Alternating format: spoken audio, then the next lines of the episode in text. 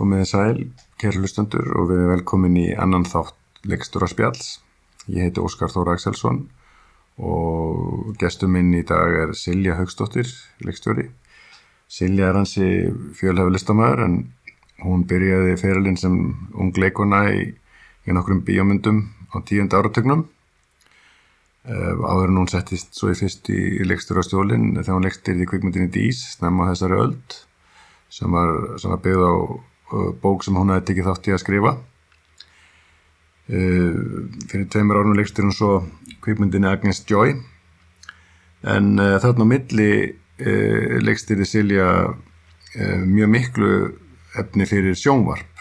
Og má það nefna Ástríði 1 og 2 tvö áramótaskaup og sketsaþætti og alls konar Svo núna nýlega eh, fyrir þessu ári þá kom út eftir hann Sistra Bönd. Sjónvarseraði sex hlutum. Og það er svona kannski eitt fókusinn sem að verður í dag á spjallokkar er, eh, er svona svolítið um sjónvarpið og, og svona þennan svona þennan aukna áhuga sem er þessum miðli og nýju tækifæri sem hafa, hafa komið sérstaklega í, í kjölfarið á öllum þessum streymismöguleikum og, og verður gaman að, að heyra í Silju uh, með það, svona með sinn fjölbreytilega bakgrunn uh, í þessum meðli. En já, við skulum bara vinda okkur í spjallið, gjör svo vel.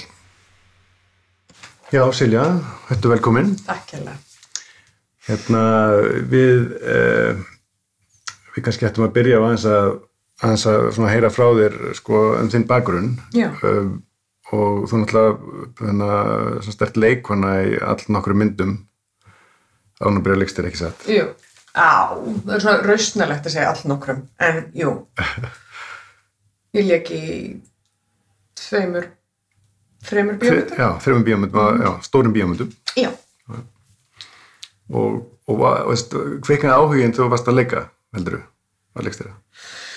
Uh, já, sennilega þú veist, að því ég hafði áhuga fyrst hafði ég áhuga leiklist, þú veist, og fórin í bara uh, leikfélag og þannig í menturskóla og, og hérna uh, fann mitt aldrei þar og fekk þarna uh, nett svona ófúruvarendis tækifæri til að leggja bíómynd þegar ég var bara ennþá í menturskóla mm -hmm. og var ekki búin að læra neitt í rauninni.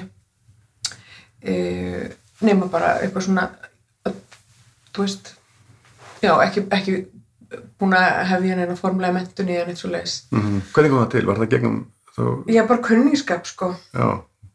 Sérst, það var náttúrulega kærasti minn í mentaskóla, hérna, ég held að mammans bendi sýstu sinna á mig. Það var bara svona hugulegt íslenskt þorpskast. en, okay. að, og ég var bara, ég, sjálf, þú veist, var ekki að leiðin í neitt svona, ég var að leiðin í líðháskóla, fór í líðháskóla til Danmarkur og mm -hmm og fekk orðið þetta hlutverk og fór tilbaka og, og þú veist, þar, jú, sennilega bara sennilega yfir allavega hugmyndin um þetta sem starf kveikna algjörlega þarna mm -hmm. þú veist, að því að ég átt að hafa ekkert átt að má framan af nákvæmlega hvað leikstjóri gerir sko. mm -hmm. um, þannig að ég fatt upp á því það verið hægt að gera þetta líka mm -hmm. og það var náttúrulega kona í brúni sem að, þannig að ég kynntist þessu ekki sem, sem karlastarfi mhm þannig að það er kannski örgulega hægt eitthvað áhrif líka mm -hmm, mm -hmm. og já, svo komið þessar þær myndir í kjálfæri líka þarna á meðan ég var að gera annað þannig að þetta var svona hlutastarf Já, fjasko og, og Villiljós og villiljós þetta, já, já. en, en sérst áðurinn gerir uh, dís mm -hmm.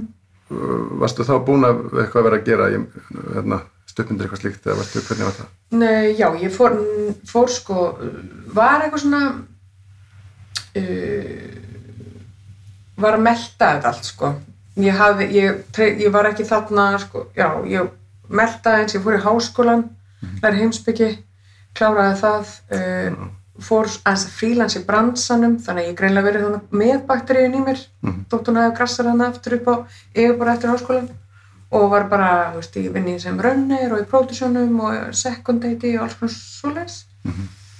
um, þangað til að hérna, ég áttaði mig, byrjaði svona hægt og róla þóra viðkynnaði fyrir sjálfur mér að mér langaði til þess að allavega að læra þetta mm -hmm.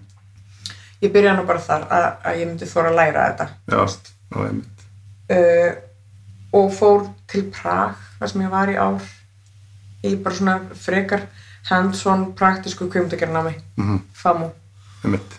og þar var ég svona að, að prófa að koma við með puttunum sko. og skutum daldi sjálf líka og það var daldi svona þægilega lo-fi og, og hérna mm, gamaldags Mhm.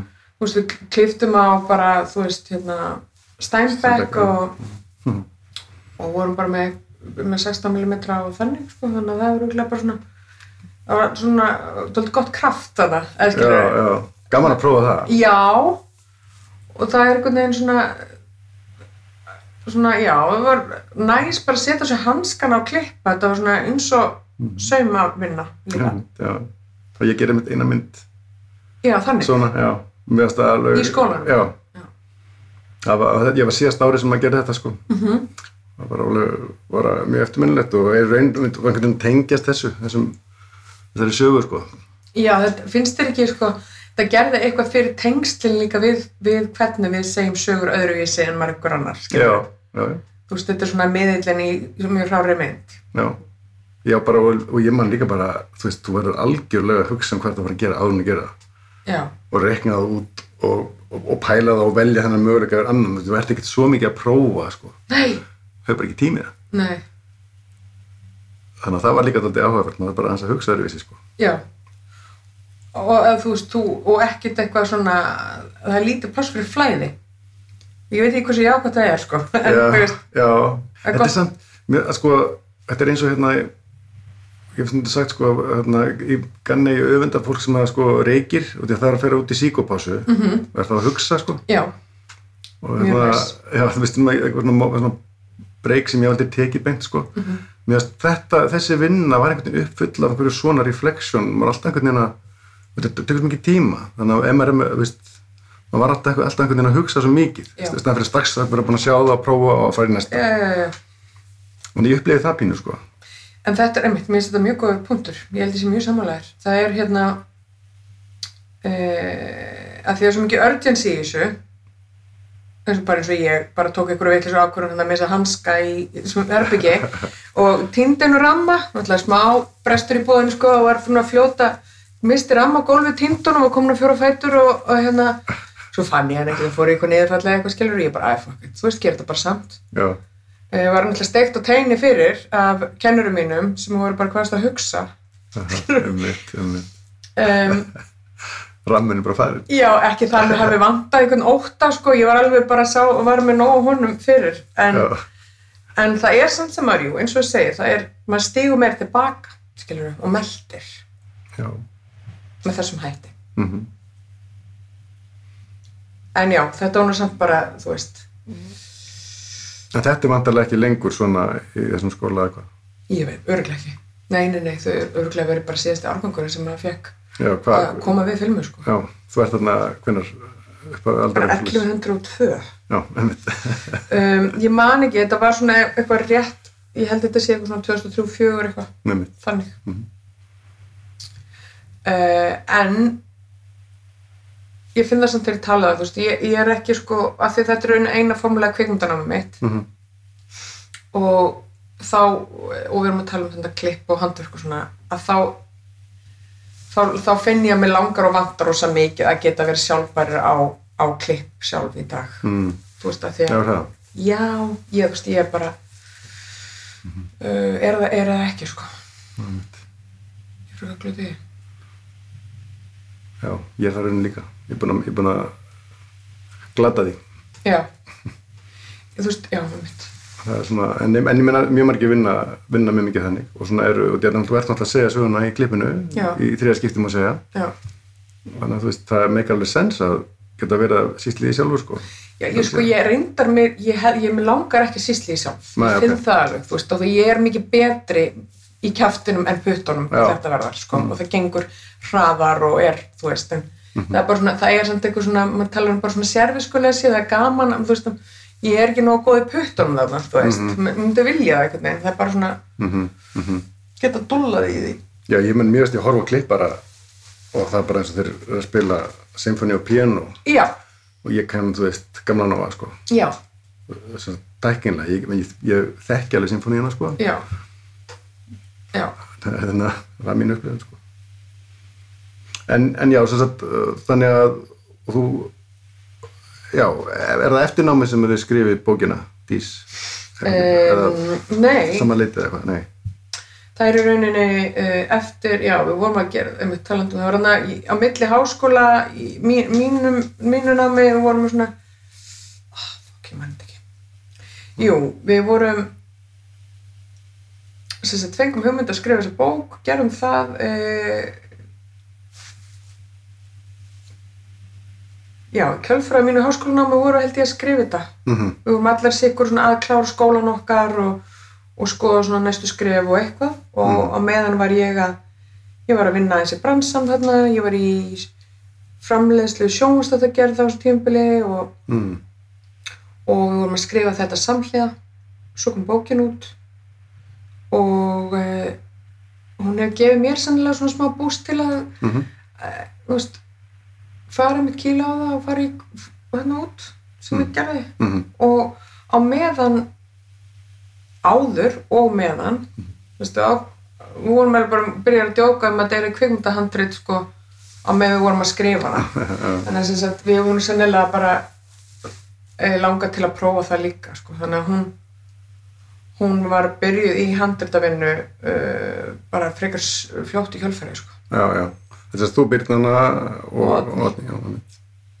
um, já, þannig að svo og þú náttúrulega þekkir þá þess að sögu út og inn þegar þú fara að leikstirinn Já. það er, það, það er reyndar setna, það hjálpaði alveg rosalega já, einmitt og sennilega hérna uh, og ég hef fundið það í rauninni æ síðan að ég, ég verð að þekkja mm. Efni einhvern veginn rosalega vel sennilega er það nú bara með okkur flest sko.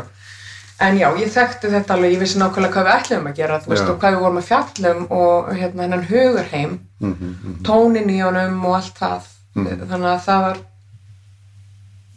og reyna, sennilega hafið lifað stóran part af þessu sjálf skilur með einhverjum hætti þetta Eh, eins og við svona, þú veist, allavega við og, og vinnir okkar. er náttúrulega sko, sem, líka sem sko, fyrst, fyrst, sko, fyrsta mynd er þetta náttúrulega óvinni mikilvægt Já, að þekka þetta svona vel sko, það er náttúrulega alls konar óryggi og það er kannski minna fjármægn og svo framvegis ekki spurning, sko. Ég hef ekki getið þetta öðruvísi, held ég. Nei. Þetta bjargaði mér þarna, held ég. Mhm. Að, þú veist, í þarna, þegar maður er í blackouti af ótta, þú veist, Já. á tökudegi eitt á leiðinni, þú veist, að þá, hjá, þá var þetta svona bara rosa hækja að Já. bara muna þó að það eru bara tværana manneski sem þekkja þetta efni jafnvel og þú, þú veist. Mhm, mhm, mhm. Um, þannig að það var mjög hjálplegt, sko. Ég gæti bara svona halla mér þeirri vissu.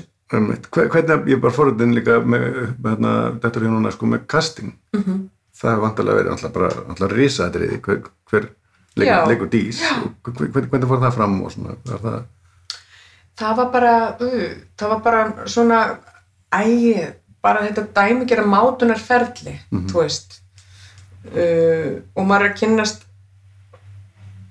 og þetta var einmitt kannski var þetta sérstaklega flókið fyrir mér að vera að fara þess að ég var svo mikið búin að vera í hugur heiminum mm að, að líkams hérna gera aðalsauðutuna já, einmitt. Við mátum okkur svolítið fram tilbaka við vorum, vorum tiltölulega fljót í og Mhm. fljótar í hérna áttuna álrúnu sko sem já. svo röðu við kringum hann alltaf mm þannig að sko þannig að, þannig að uh, þið komið allar að þessu þetta var ekki allavega þessu þessar ákvörðun sem Já. alltaf stærst ákvörðunin mér finnst sko þegar ég tala um minningunni þá var þetta bara svona þú veist það var hérna hann eh, Balti framleiti þetta, þetta var díalógur líka við hann og þetta var díalógur við stelpunar tvær af því að þú veist mér fannst líka það var, þær voru bara þú veist uh, ég var notaði það svona hérna til að spekla bara Mhm. við þú veist, er þetta ekki, er þetta ekki sirka það sem við erum að hugsa hérna skilur Þannig að já, þetta var bara uh, meldingaferli og hérna, við tókum bara svona nánustu aðstandendur að þessu, tókum svona frekar virka þátt minni mig í þessu. Sko. já, einmitt Uh, en svo er líka bara með castingferlið þarna að þú veist, maður getur, þú veist, það er hver ákvörðin áhrif á næstu þannig að þú veist, það er svo erfitt að þú gerir þetta, þú gerir alltaf bara eitt púsl Mhm. og þetta púsl hefur áhrif á hvernig maður ræðir í kring, sko. já, já, já. já þetta er náttúrulega náttúrulega sko titilkarakter og þetta er eitthvað sem þú varst búin að vinna með í bók og svo handriti og með öðrum en náttúrulega þú veist Mhm. já, já flókin ákvörun og vantanlega sko og líka það þarf ákveðum aldri sem er líka spesifik og, og einmitt kannski kallar á að sé ekki, ekki kannski mikið af kandidatunum sem eru með langa mentun og reynslu og svo framvegi sko. Akkurat. En við vorum þar búin að slefa upp í sko uh, aldurinn þar sem að við vorum gáttum verið að tala við leikonar, mentaði leikonar, þú veist. já, já, já, einmitt Um, mm þannig að, hún var uh, útskrifuð þá og svona já, Álfrún var Já. til að nýjútskrifuð uh, frá Breitlandi. Hún var Já. í, ég man ekki í hvað skóla hún var að læra. einmitt, einmitt já.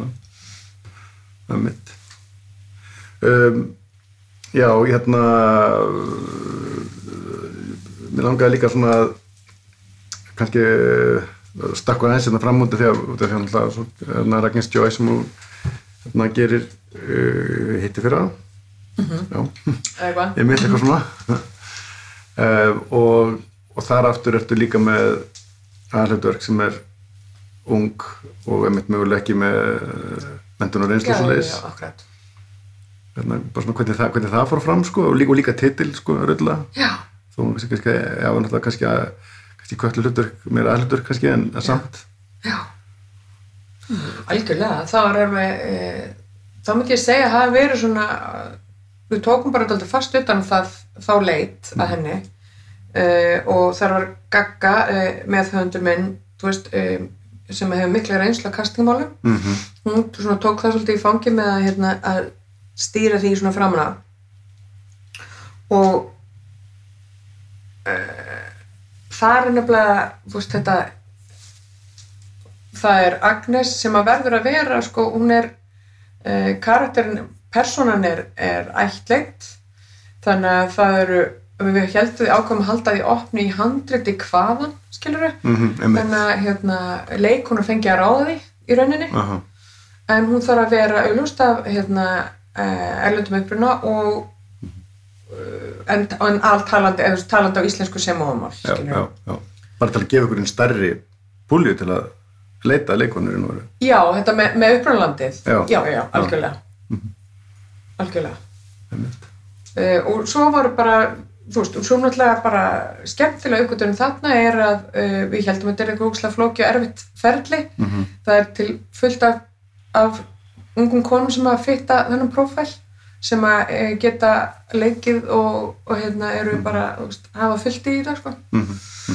þannig að líka aukvöldunum var að fatta að það við sjáum það ekki sé, því er ekki að það sé ekki til skilur. nei, nei, og í því ferli kynntist við mörgum frábærum stelpum og meðlum stónu sem að mm kom bara uh, nokkur sem ég pröfu og, og hérna og það var líka, það var ekki síst gaman að fylgjast með því, sko, því að uh, þar voru ekkert allar læriðar og fæstar kannski, þú veist, því við erum líka að tala um það ungar konur, sko. -hmm.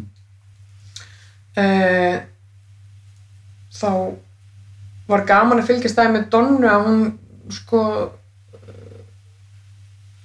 hún settist ákveðin í þetta með hverju pröfunni. Þú veist, maður, það var svona ég tók eftir muni milli pröfa á henni Mm sem að eru ótrúlega góða fréttir í rauninu fyrir verðandi leikstjóra skilur þessar mannesku að hérna, það segði mér að, að hún er að fara sko að vera rosa fljóta til einhversi hluti og rosa fljóta hérna að styrkjast sko -hmm. sem að svo var raunin Mm -hmm. þannig að hún var alltaf hérna, fannst mér betra og betra á milli pröfa Mm. og þú veist, uh, auðvitað eh, eins og hún er bara verið fyrst mann til að segja sjálf uh, slatta tögastyrk Mm og ma- ég fann alveg að það var þú veist, það kom algjörlega frá þeim stað að langókslega mikið í þetta þú veist, Mm. þannig að það skein af henni og það var eitthvað svo flott hún gætt staðið í því, hún gætt setið einhvern veginn í því að vera bara með langar dókislega mikið Mhm. þú veist, og það er líka eitthvað svo, svo fallegt sjálfsveriki finnst mér að, Mm. að þóra að viðkjöna það Einmitt, algjörlega og einmitt lofa góðu með að geta, geta unni með komandi Já. Hvernig með undirbúning veist, eins og fyrir hana og æfingar og svolítið, hvernig var því haft að því? Sko, uh, hún, hún tók sérstaklega uh, smá, uh, tók sérstaklega utan um hana, hún fór svona uh, í rauninni engatíma Já, til Þorsteins Backmann, já, einmitt, já, þar sem að hann var, sem í rauninni ég hérna, held að hefur bara verið verið mjög frábært af því að þar er hann bara og þau voru bara ákvaðum að ég myndi ekkert vera með í því það væri bara þeirra, þú veist, og þau að fara í gegnum það hérna, hann leikur í myndinni og er, er maður göggu líka þannig að hann var svona frekar mm -hmm. uh, hliðhóllur þessari framleyslu og sjálfur með með, með slatta reynslu, mikla reynslu af kveikmyndaleik og það var ekki síst held ég eitthvað sem hefur gott að fara í gegnum þú veist, bara undirbúa leikara, ungar leikara undir uh, þú veist, þennan dýragar sem að settir getur Mhm. verið. Mm -hmm. og þú veist, að, að svona einhvern veginn ganga í gegnum við hverju mátt búast ekki síst. Og svo fyrir utan það að fara bara yfir grundvallar atriði í leiktækni sem að Óstein er náttúrulega vanur þú veist, hann hefur haldið bara ógislega mikið á námskeiðum og, og hérna hann er vanur í að meðlega þessu líka. Þannig að ég held að það hefur bara verið frábært. Hún bara, þú veist, að því að hún var svo sem að var hérna af leikurunum eh, hafði minnst leikið og mætti mikið á Já. í verkinu. En við hinn og, og svo náttúrulega Donna líka við vorum svo varum við að samla strömbara og, og hérna e, í rauninni sko mér langaði svo mikið að hérna og ég á nú ennþá eftir að uppfylla þann draum almennilega en að það skal gerast næst. Mm. mér langaði svo úkslega mikið að hérna æfa og æfa líka á setti og Já. Mm og hérna og fá- ná að leggja þetta daldið -hmm. og það náðist ekki. En í staðinn þá tölum við bara daldið mikið í kringum þetta og þú veist í rauninu út frá efninu og kjarnanum og, og rættum mikið og svo komum bara, byrjuðu líka að handrita hafði- sem hafði smá áhrif á handritið og svo ákveðum bara unnu við það bara inn eftir því sem hendaði og passaði og þannig við vorum í rauninni æfingaferðilega var í rauninni mjög mikið bara í kringum borð sko, Já, já. uh, sem að Bara með handritið og, Já. þannig, já. einsar ástæði fyrir því tímaskortur og, og er yfirleitt en kannski svo stærsta sko. Já, já, þannig var ekki svona eiginlega meira svona Nei, ekki, ekki mikið sko á gólfinni Nei, og ekki í stúdíu eins og eða skilur stúdíu á setti eins og ég hef gætt viljað sko Mhm. var svo ekki hægt en hérna gengur betur næst. Þannig er þetta að koma því ofta við þegar, veist, kannski eru settingi tilbúin og, og, og ekki aðgangur að algjörlega, og allt þetta og, algjörlega og það var alveg ástæðan þarna og ég skil vel okkur þau voru ekki og, og hérna með að við, þú veist bara uh, ramman sem við vorum með, þetta er allt mjög skiljanlegt. Mm -hmm, uh, En það er auðvitað spennandi, þannig að ég, einmitt, ég, ég, ég lí- lítið gert af því, sko, já, en einmitt, þau langar ekki hann að prófa það meira, sko. er það ekki? Jú, það er eitthvað, það er eitthvað mjög, já, menn það hlýtur bara að vera. en það er svo skrítið með, sko, með æfingar náttúrulega, það er, það er að, þú veist, minnst alveg mikilvægt einmitt líka bara spjallið, eða einmitt eins og talum, skoða handritið saman og eitthvað svona. Og svo líka er eitthvað svona partur af mér sem líka finnst mikilvægt, sko, eða finnst ég sé alveg valjú þegar ekki í einmitt aðstæðanum líka, sko. Já. Það er að bara einhvern veginn einmitt hvað sinna um á textin, það fyrir að róma ekki að spá í blokkingunum og þannig. Eða þú veist, þetta minnst einhvern veginn að þetta þetta- þetta er bara valjú í öllu en að vera, sko. En, en sjálfsagt er sko mest efficient að geta gert það á setti, kannski. Já. Ég sko, ég myndi halda það sem skiptir mestu máli í þessu er einmitt, ég er algjörlega samanlegar, þú veist, hérna, að blokkara sinn með leikar ekki að mikilvægast, alls ekki, sko. Nei. Ég myndi halda bara, ef það er eitt orð þá er það bara tengjast og treysta, Já. og með hvaða hætti sem það er í rauninni. Mhm. Og það er kannski ólíkt, stundum verður maður bara að fá að kynast og tala saman til að gera það, Mhm. og, en stundum verður maður að gera það í gegnum efnið. Mhm. Uh, ég myndi halda í fullkomum heimi þá getur maður bara svona haldið sér svolítið opnið, þú veist. Já. En ef maður hefur korter til að kynnast leikara, skilur og, og, og undirbúa eitthvað sem maður gerir með honum, veist, daginn eftir, þá myndi ég ekki halda að blokkering væri nummer eitt, sko. Nei, einmitt. Einmitt. Það heldur mikið bara, mikið frekar að bara taka kaffi, sko. Já, já. Akkurat. Bara, bara til að einmitt, tengjast, ræ- ræðum þetta, hvernig þú vinnur. Mhm. Bara hver, er, hver er þessi persóna?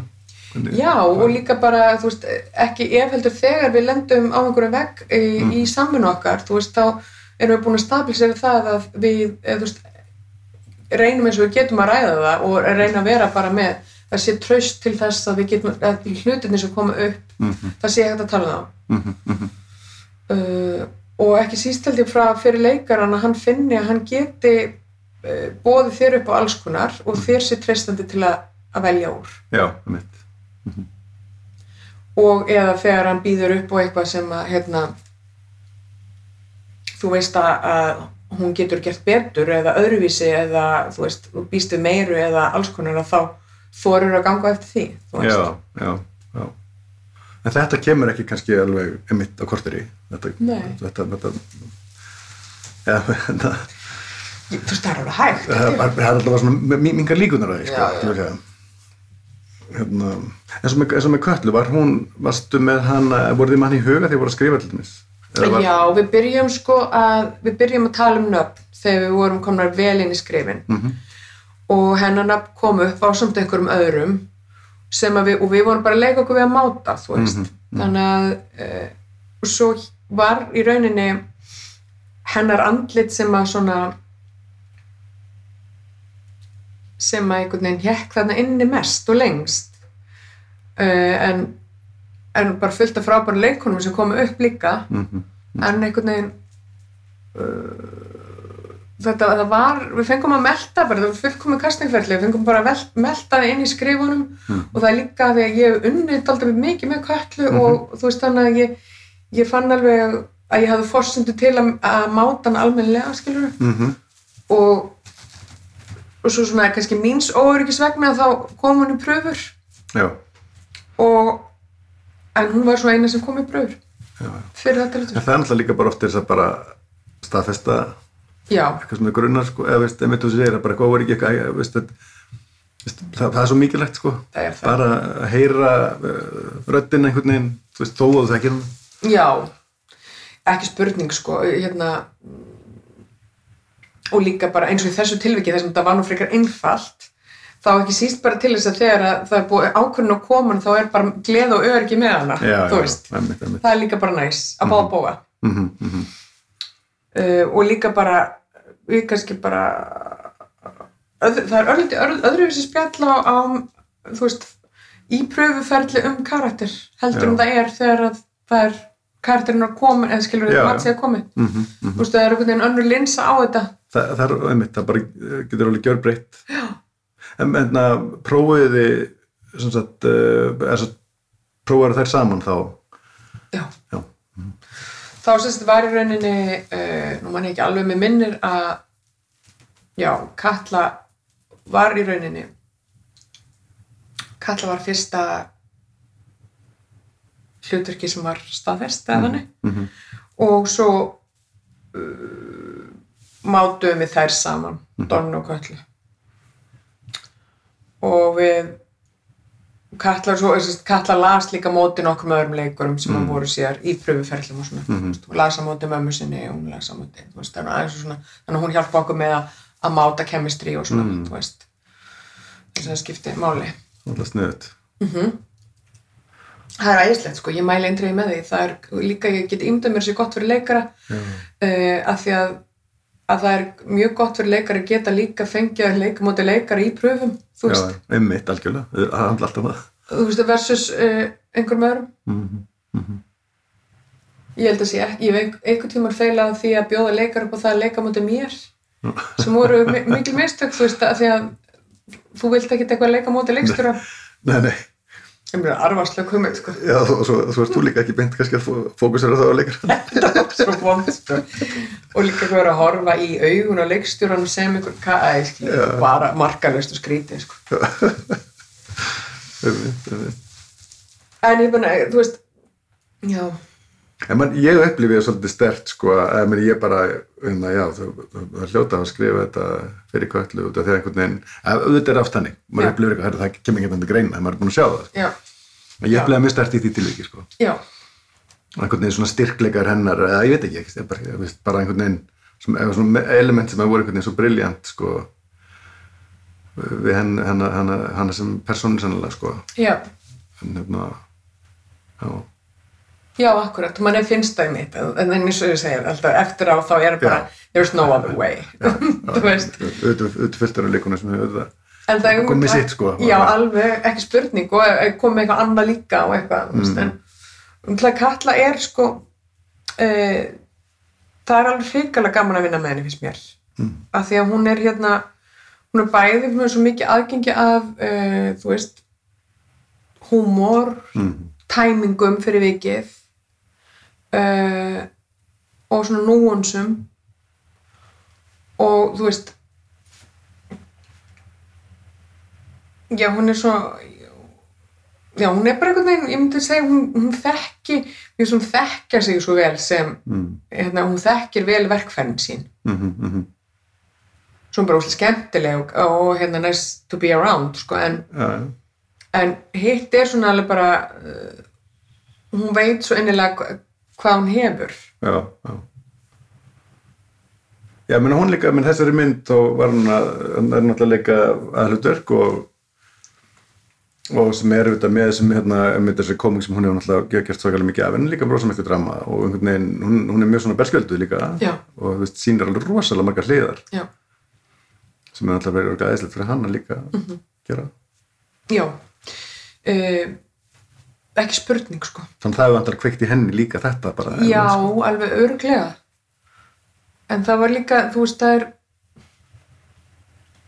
ég veist ógeðslega le- gaman líka að leita eftir því hvar svo berskjöldun kemur ljós þú veist og vera í samtali og þú veist leita eftir því í myndinni en Mhm. það er svo mikilvægt að hérna að þú veist hvenar missur hún brynjuna og, og Mhm. þú veist hvenar skín í og hvar eru mestu sa- s- sárindin og þú veist hvaðan er, hvaðan er harmur Mhm. en, og hvenar textinni að hérna kamuflesa og hvenar ekki Já, þú veist já, já. og Mhm.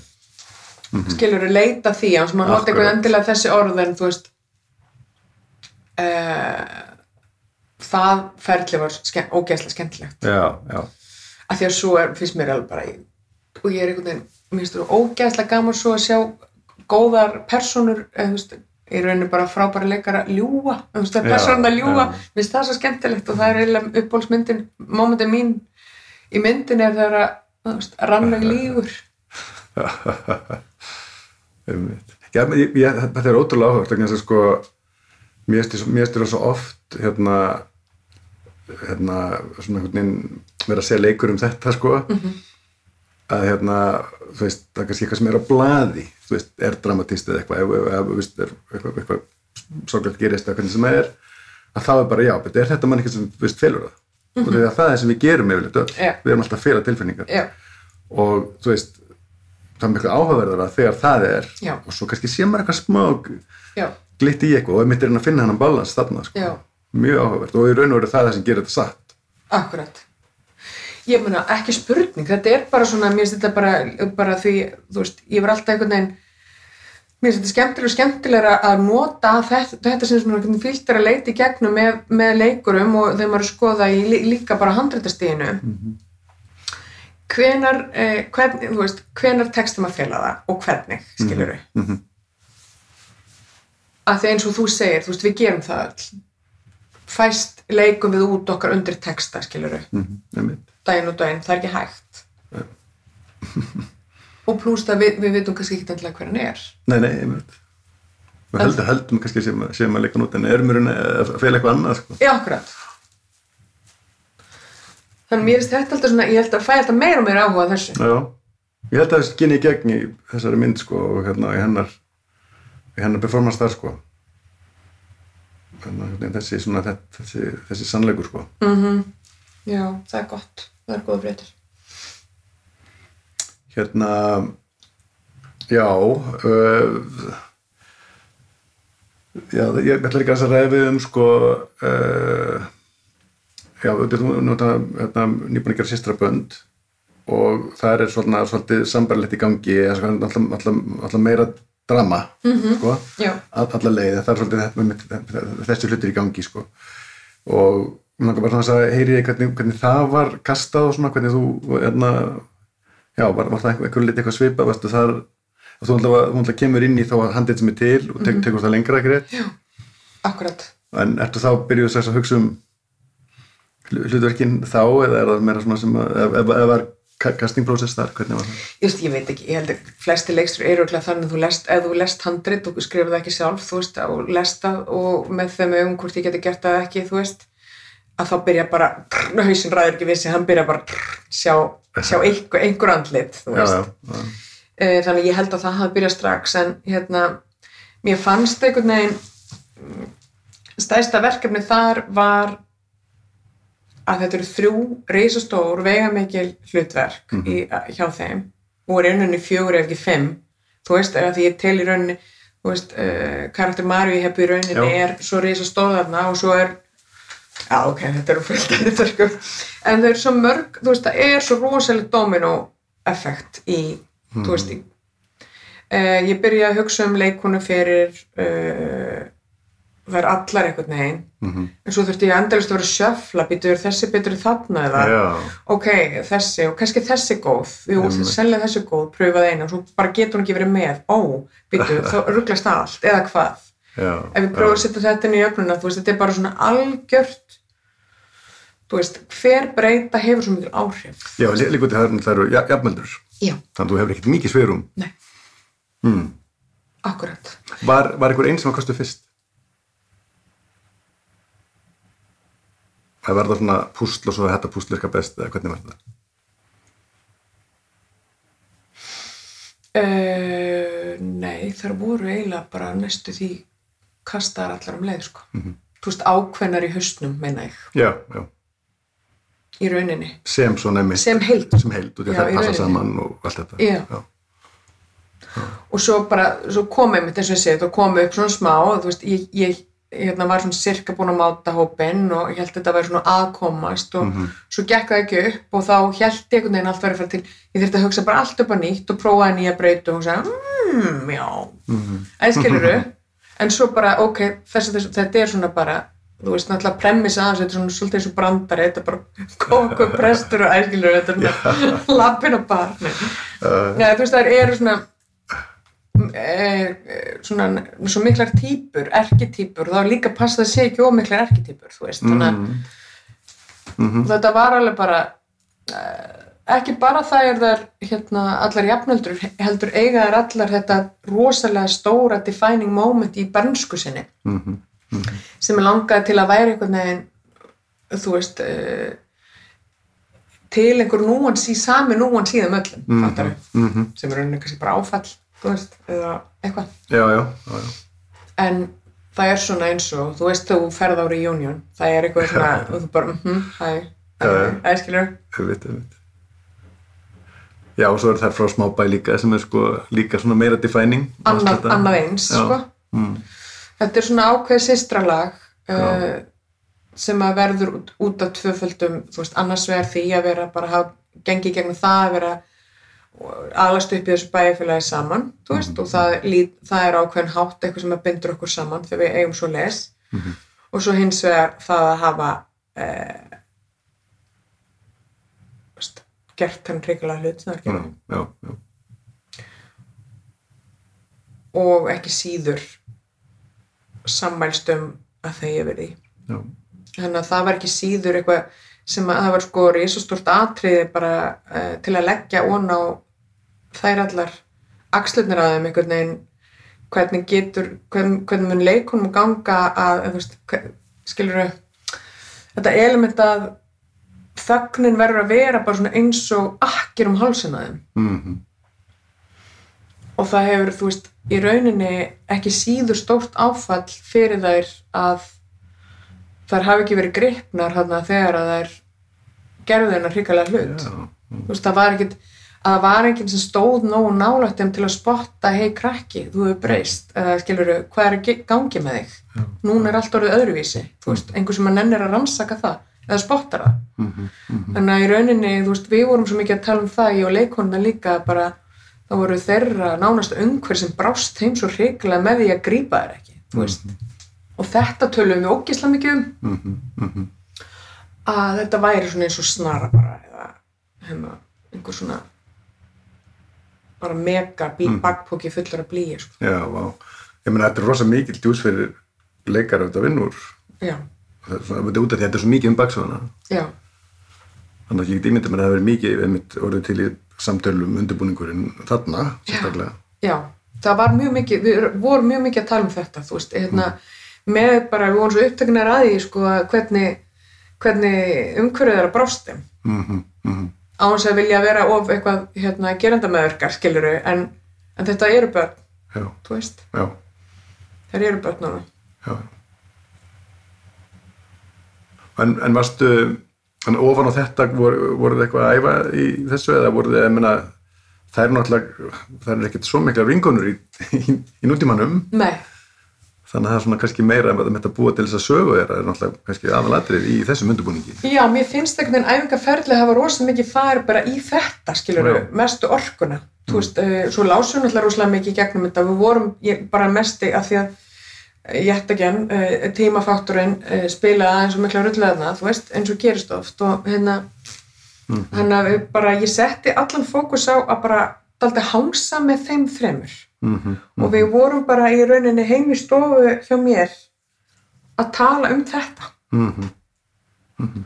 og svona hendi inn í þetta einhverjum spilum frá sjálfum okkur eða speikla eða þú veist og bara mm og einmitt ekki síður fókusering á hvaðan þær eru að koma af því eins og þú bendur á, veist, þær eru ekki að tengja nútíðin anyway, sko, það skiljast leiðir. Já, og svo vorum við líka svona að hérna bara lána domgreind okkur aðra með það og þær sína milli með bara þetta geti haft þessi áhrif á þína og þetta á þína og svona dot, sko. Já, já, þannig að þetta var, já, við, en einna mestu fókusin fór á þetta. Mhm, mhm.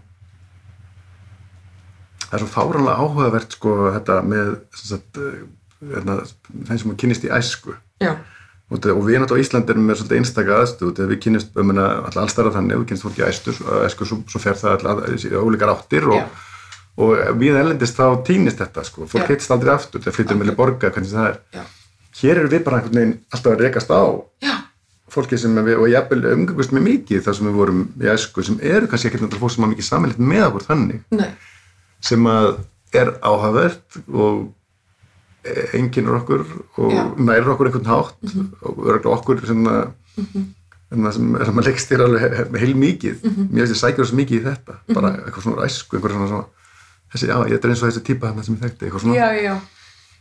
Um, en það meikar líka svo mikið sens að ákveðnum þegar, þegar típur límast í, í þig einhvern veginn í heilana þér þá eru þetta eiginlega eins og erkitýpur, skilur Já. þú ert örgulega að máta þig við uh, þú veist, þú átt einhverjar þá fimm erkitýpur sem eru ekki úr ævintýrunum heldur eru bernskuðinni, skilur til að máta inn í. Aha, þú veist, það meikar svo mikið sens í rauninni. Með mitt og líka bara fólki sem að, hérna, við kynnumst sem börn, uh, hvort sem það eru önnur börn eða aðrir það kemst á sérstakann stað í, í manni Já. uh, með góðu að yllu já, já, það er mikið mótunar náttúrulega. Já og þú veist uh, og það er alveg slett að vi- vinna að, að taka því burt að þú vilt gera það sko, Já. þú veist. Já, já, þannig að við erum svo mikið, lím, með svo mikið límheila þarna að það er einmitt og þú veist það er örgulega það, það fallega, það sem er það erfiða við Ísland og, og það fallega er að þú veist, við erum dálítið svona dæmt til þess að vera endalust að mæta okkur sjálfum sem börnum og líka uh, æsku okkar Mhm. þú veist, mhm. Mhm já, erum stöðut í því. Já, og með, út- bara, bara líka veist, út, út af fjölskyldinni sko. hérna, hún, er, hún, er, hún er svo oft Hún er svo nálægt. já, hún er svo innan selingar alltaf sko, og, og allt því fylgir sko, sem er í raun svona stóru lönd og veist, þá er það bara einhver, já, veist, það er svona smábæjardæmi sem, hérna, sem engin flutti neitt sko. já, hérna, hérna, já. Já, þannig að minnið oft í verkum sem við sjáum, þú veist, úr, hérna, úr stóra heiminum eru alltaf bara annarkvort fóstu ekki eða þú fóst Já. og ef þú fóst þá ertu bara frjáls. Já, en svo verður að koma aftur. Þú veist, þetta verður svo stórt, þú veist, að meðan við erum bara í krónunni bara hæ, hæ, bara og sama. bara með hjarta á fullu ái, ái, ái, eða ekki, einmitt, einmitt. Þetta er mitt, það ég get ímyndað mér þetta sé mikið meiri svona um, þetta sé mikið meiri áhrif á okkur sem sagnafólk og leikstjóra heldur en við tölum oft um sko. já, alveg hárétt við, erum, við, við mitt við fyrir út í krónu og getum rekist á einhvern sem við lögum einelti eða eitthvað, þú veist, eitthvað svona. Eitthvað sem við vorum vond við já, eða eitthvað sem særð okkur eða þú Mhm. veist. Mhm og svo byrjum við að hérna, svo verðum við úlingar og þá byrja næsta skeið og potensial harmur eða tráma þar og, og við erum endalist að hitta þetta við líka skilur Já, sem annarkvort all okkur eða við öllum já, eða bara voru góðu glensi mér já, já, já. Þetta er, þetta er, þetta er mitt, þetta hefur, hefur kost og galla, skulum segja. já, en það er, það er mjög erfitt að komast í burtu frá þessu á Íslandi. Já, já. Og þetta, og þetta er svolítið kjarni hérna í, okkur í sýstraböndu.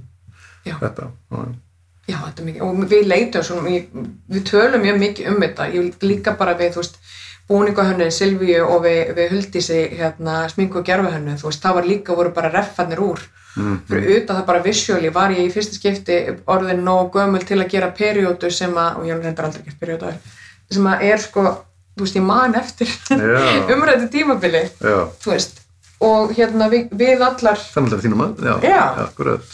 Og við allar gerðum það, þú veist, bæði búningahönnur, eða þú veist, þó það sé, við getum, það er svo easy að púlla þessa reffa, sko. Mm -hmm, Þannig að við vorum að tala líka um bara hvernig minningar erum við og hvernig spekla úlingadótið okkar, sko, og það er, og svo tala fyrir hönd, held ég bara svona flestra, það er bæði, bæði fyndi en svo er það líka helviti sárt. Já, Og það var alveg svona ógeðslega áhugavert að- taka það upp, sko. mm -hmm.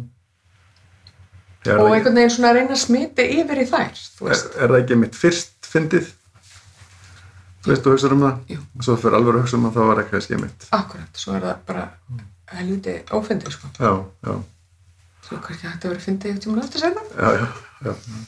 já. En já, þetta er náttúrulega, hérna,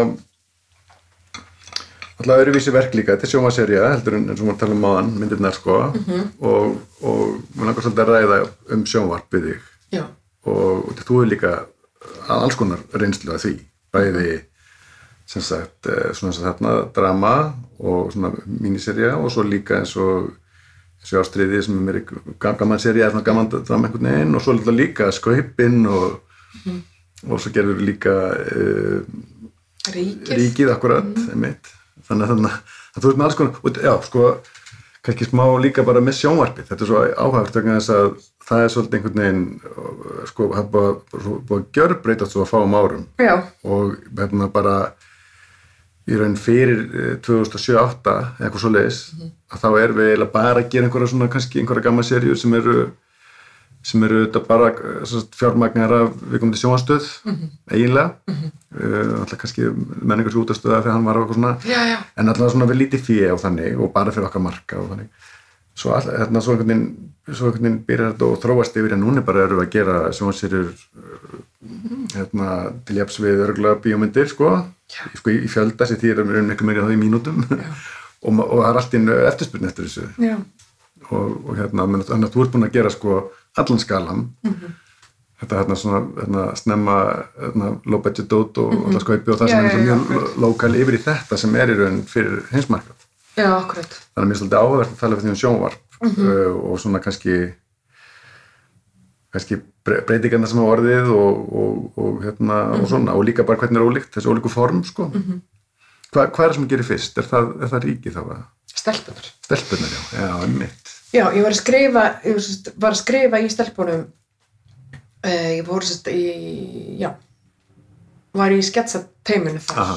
og svo, og á meðan Óskar Jónasson leikstri held ég bara ans, ansi nokkrum, ég man ekki hversu mörgum en alveg slatta af allavega fyrstu og svo einhverjum held ég tvö og þrjú allavega, Mm, þú veist, svo kom aðri leikstörinn inn, Raki Braga gerði og Sævar gerði líka Mhm.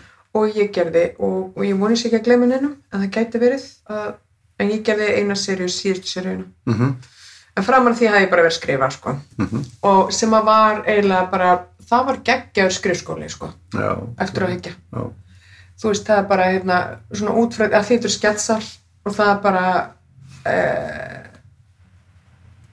já þetta er bara svona talandi um ökonomík bara eins ökonomist á mínútu og peninga og hægt er. Þú veist um, og mjög bara frábært að fara í gegnum þá vinnu uh, þann skóla og líka ekki síst hvað var það bara að læra hvernig við þú veist, þegar við erum að skrifa saman hvernig að vera tólta óhrætt við að þú veist, e- vera ekki að eigða tímanum óþarlega í að pampera einhver ego eða skiluru, það var svona pínu skóli því líka bara já, þú kemur hugmynd ég er svona já eða drrrr, og þú verður ekki sári yfir því heldur kemur bara og við erum bara endalaust í tröst að komi já. fattari.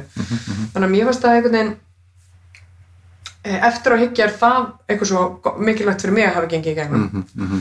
en Var svo serið fyrir ekki, var, var svo tekin sem sagt í einu svona einni beit eða var þetta svona, já, já, það mitt. hún var alveg bara Þannig að það skrifað alveg, allt saman já, og svo, já, er bara, bara hefbundin átt. ekki svo spöggstofan nei, nei, nei bara dundra út í einu tökutífumbili og, og þú veist, þetta er náttúrulega bara talandi um budget, skilur, þetta var bara mm. e, komið dagar með einhverjum fimm company múfum og, og þú veist e, þetta var alveg bara brjálæslega mikil kersla, sko Aha. En þeir eru nokkri leikstóri sem fáið, þeir eru svona þessa skólun. já, svona, þetta er svona, þetta er fyrsta ára aldarinnar, ekki rétt, cir- cirka, sem þetta er að gerast. Já, þannig, að- þetta er kannski undanfari svona þessar, þessar, þessar svona stærri serið byrjaði þannig. Já, þarna voru við held ég, þú veist, það eru margir betri en ég að útskýra þetta eitthvað svona, en þú veist, þarna voru við samt, og það var svona, það var rosa orka í sjónvarps, uh, stöð 2 var koma rosalega sterkinn með alls konar, hérna, voru að gera, það var mikil gróska því sem þau voru að gera þá Mm og þú veist, eh, áhörundur voru bara með mikla endurgjöf, þú veist, þannig að það var bara, þetta var helviti skemmtilegur kreatív tími, ógeðslega mikið að gríni, Já, og bara, þú veist, svo var þetta svolítið, það var svolítið grínið og spennan sem við vorum að gera þarna á Já. þessum tíma, Aha. er það ekki? Já, mér, mér, finnst þannig sko, Pressa, já það kemur hann ég er að vísi það því ég segi eitthvað svona Það kemur í kjölfarið. 2007, eitthvað, ég man ekki, hérna, ég, sko ég út af þessum árum, þetta fór svolítið fram að mér, Einmitt. sko þetta allt, ég er náttúrulega fórspræðar aðeins, aðeins fyrir þannig Já. ég náði því, en, en ég man svona allt inn fór maður að sjá, þú veist, svona hérna, ekki svartir englar eða eitthvað sem er sko eiginlega svona fyrsta þannig sem ég man eftir, sko, já, og svo kannski mitt, eins og nefnir pressa og það er kjálfari, sko, ég held að þetta sé meira svona 2007, eitthvað cirka, 6 kannski, Mhm. og, og, og, stelpunar er fyrr, stelpunar byrja fyrr Já. ég held að sko Óskar hérna var að gera rosa mikið á þessum tíma líka hérna í þessum sjónvars þarna Mhm. hann var að byrja að startaði stelpunum þarna og svo gerði hann svarta engla ef við Já. mismur ekki passa, og það er þá kjölfæri setna og svo pressan þetta er eitthvað svona, ég held það, sko, já, En það er, eins og þetta fylgir örugglega einhverju leiti líka, sko, þess að mann gerast eins og Skandinavíu og svo leis. Þannig að svona, en, nú, nú, nú veit ég ekki með þessar, alveg með þessar fyrstu seríur, sko, þessar svona, hérna, drama eða gleipa seríur, hvort þær, hvort, hérna, hvort þær voru með fjármagn mikið erlendis frá, ég var sennilega bara mannaði ekki, sko. En, en, það, en það er svona einhvern veginn, þær eru ábyggilega dýrari allavega.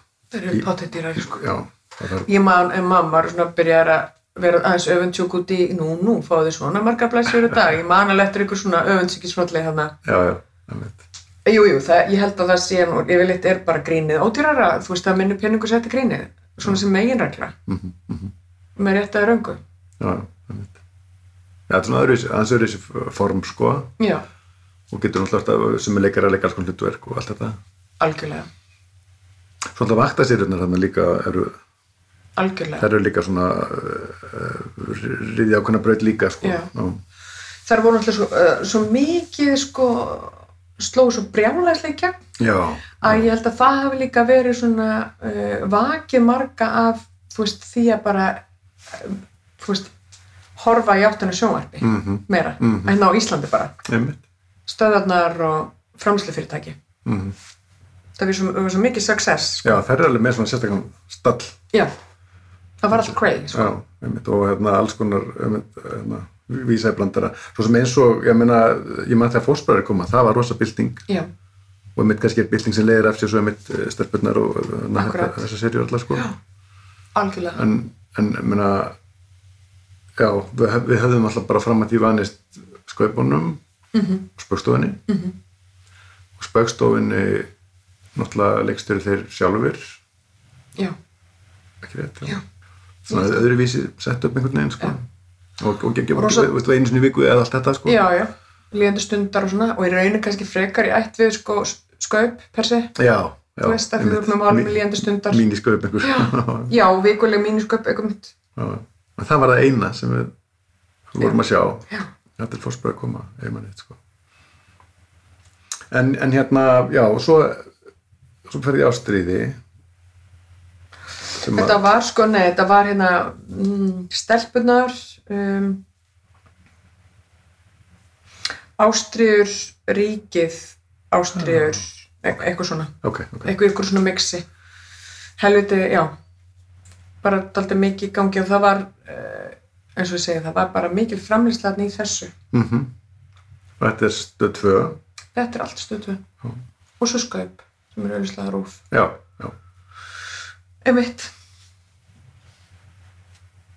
En, en sem er eins og, eins og þú fer í ástriði, sem er náttúrulega, þá ertu komin í leikna, hefðbundna seríu. Akkurat og, og hérna, ekki sketsar þó sem fullt af já, já, en ekki hugsa sem sketsar, nei.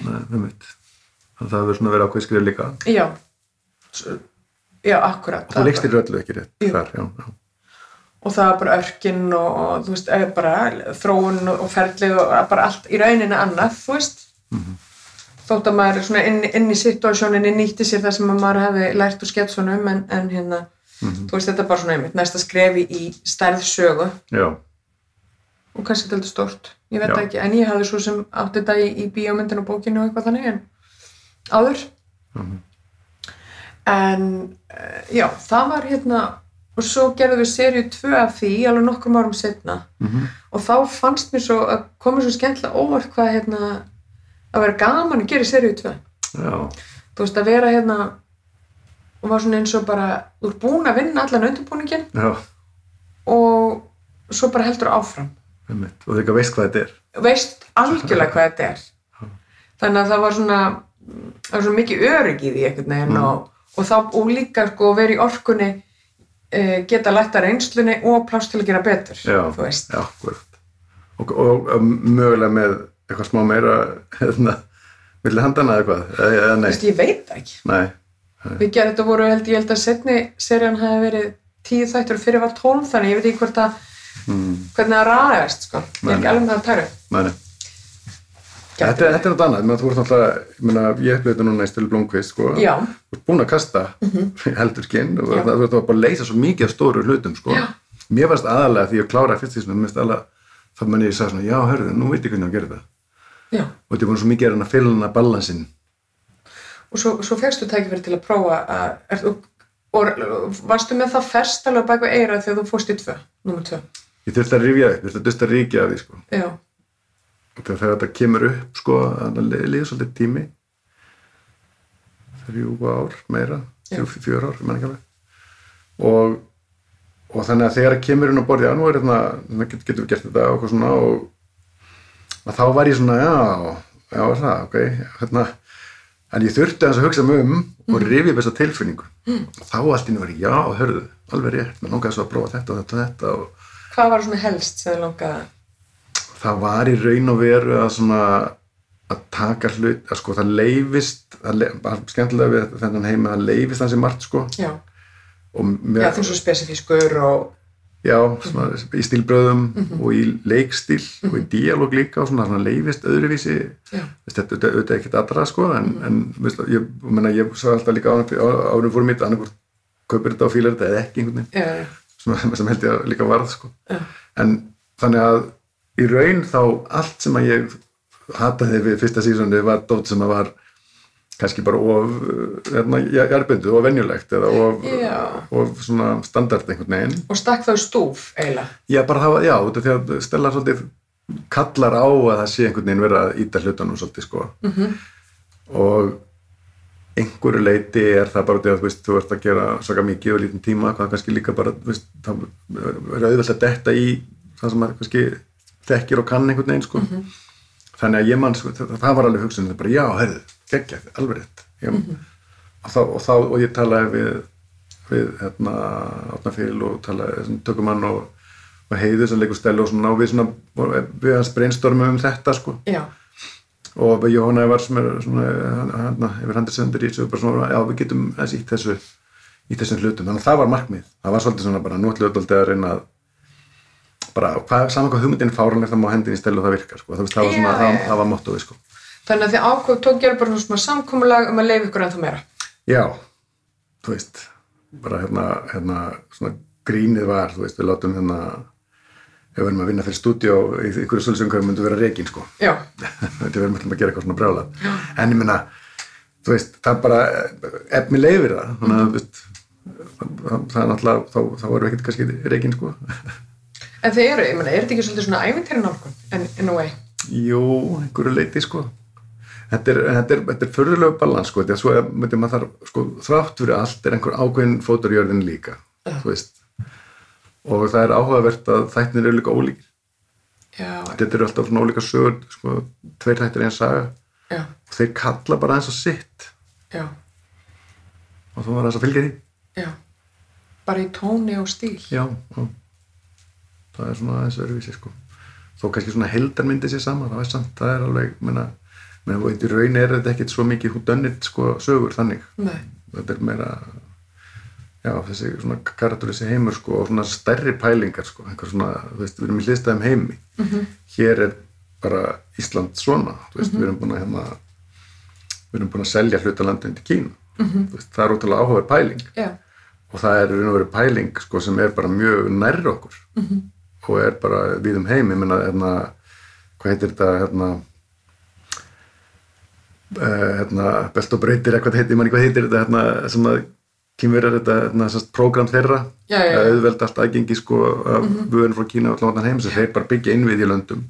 Mjög mikið í Afríku en líka í, og viðar en líka bara í Evrópu.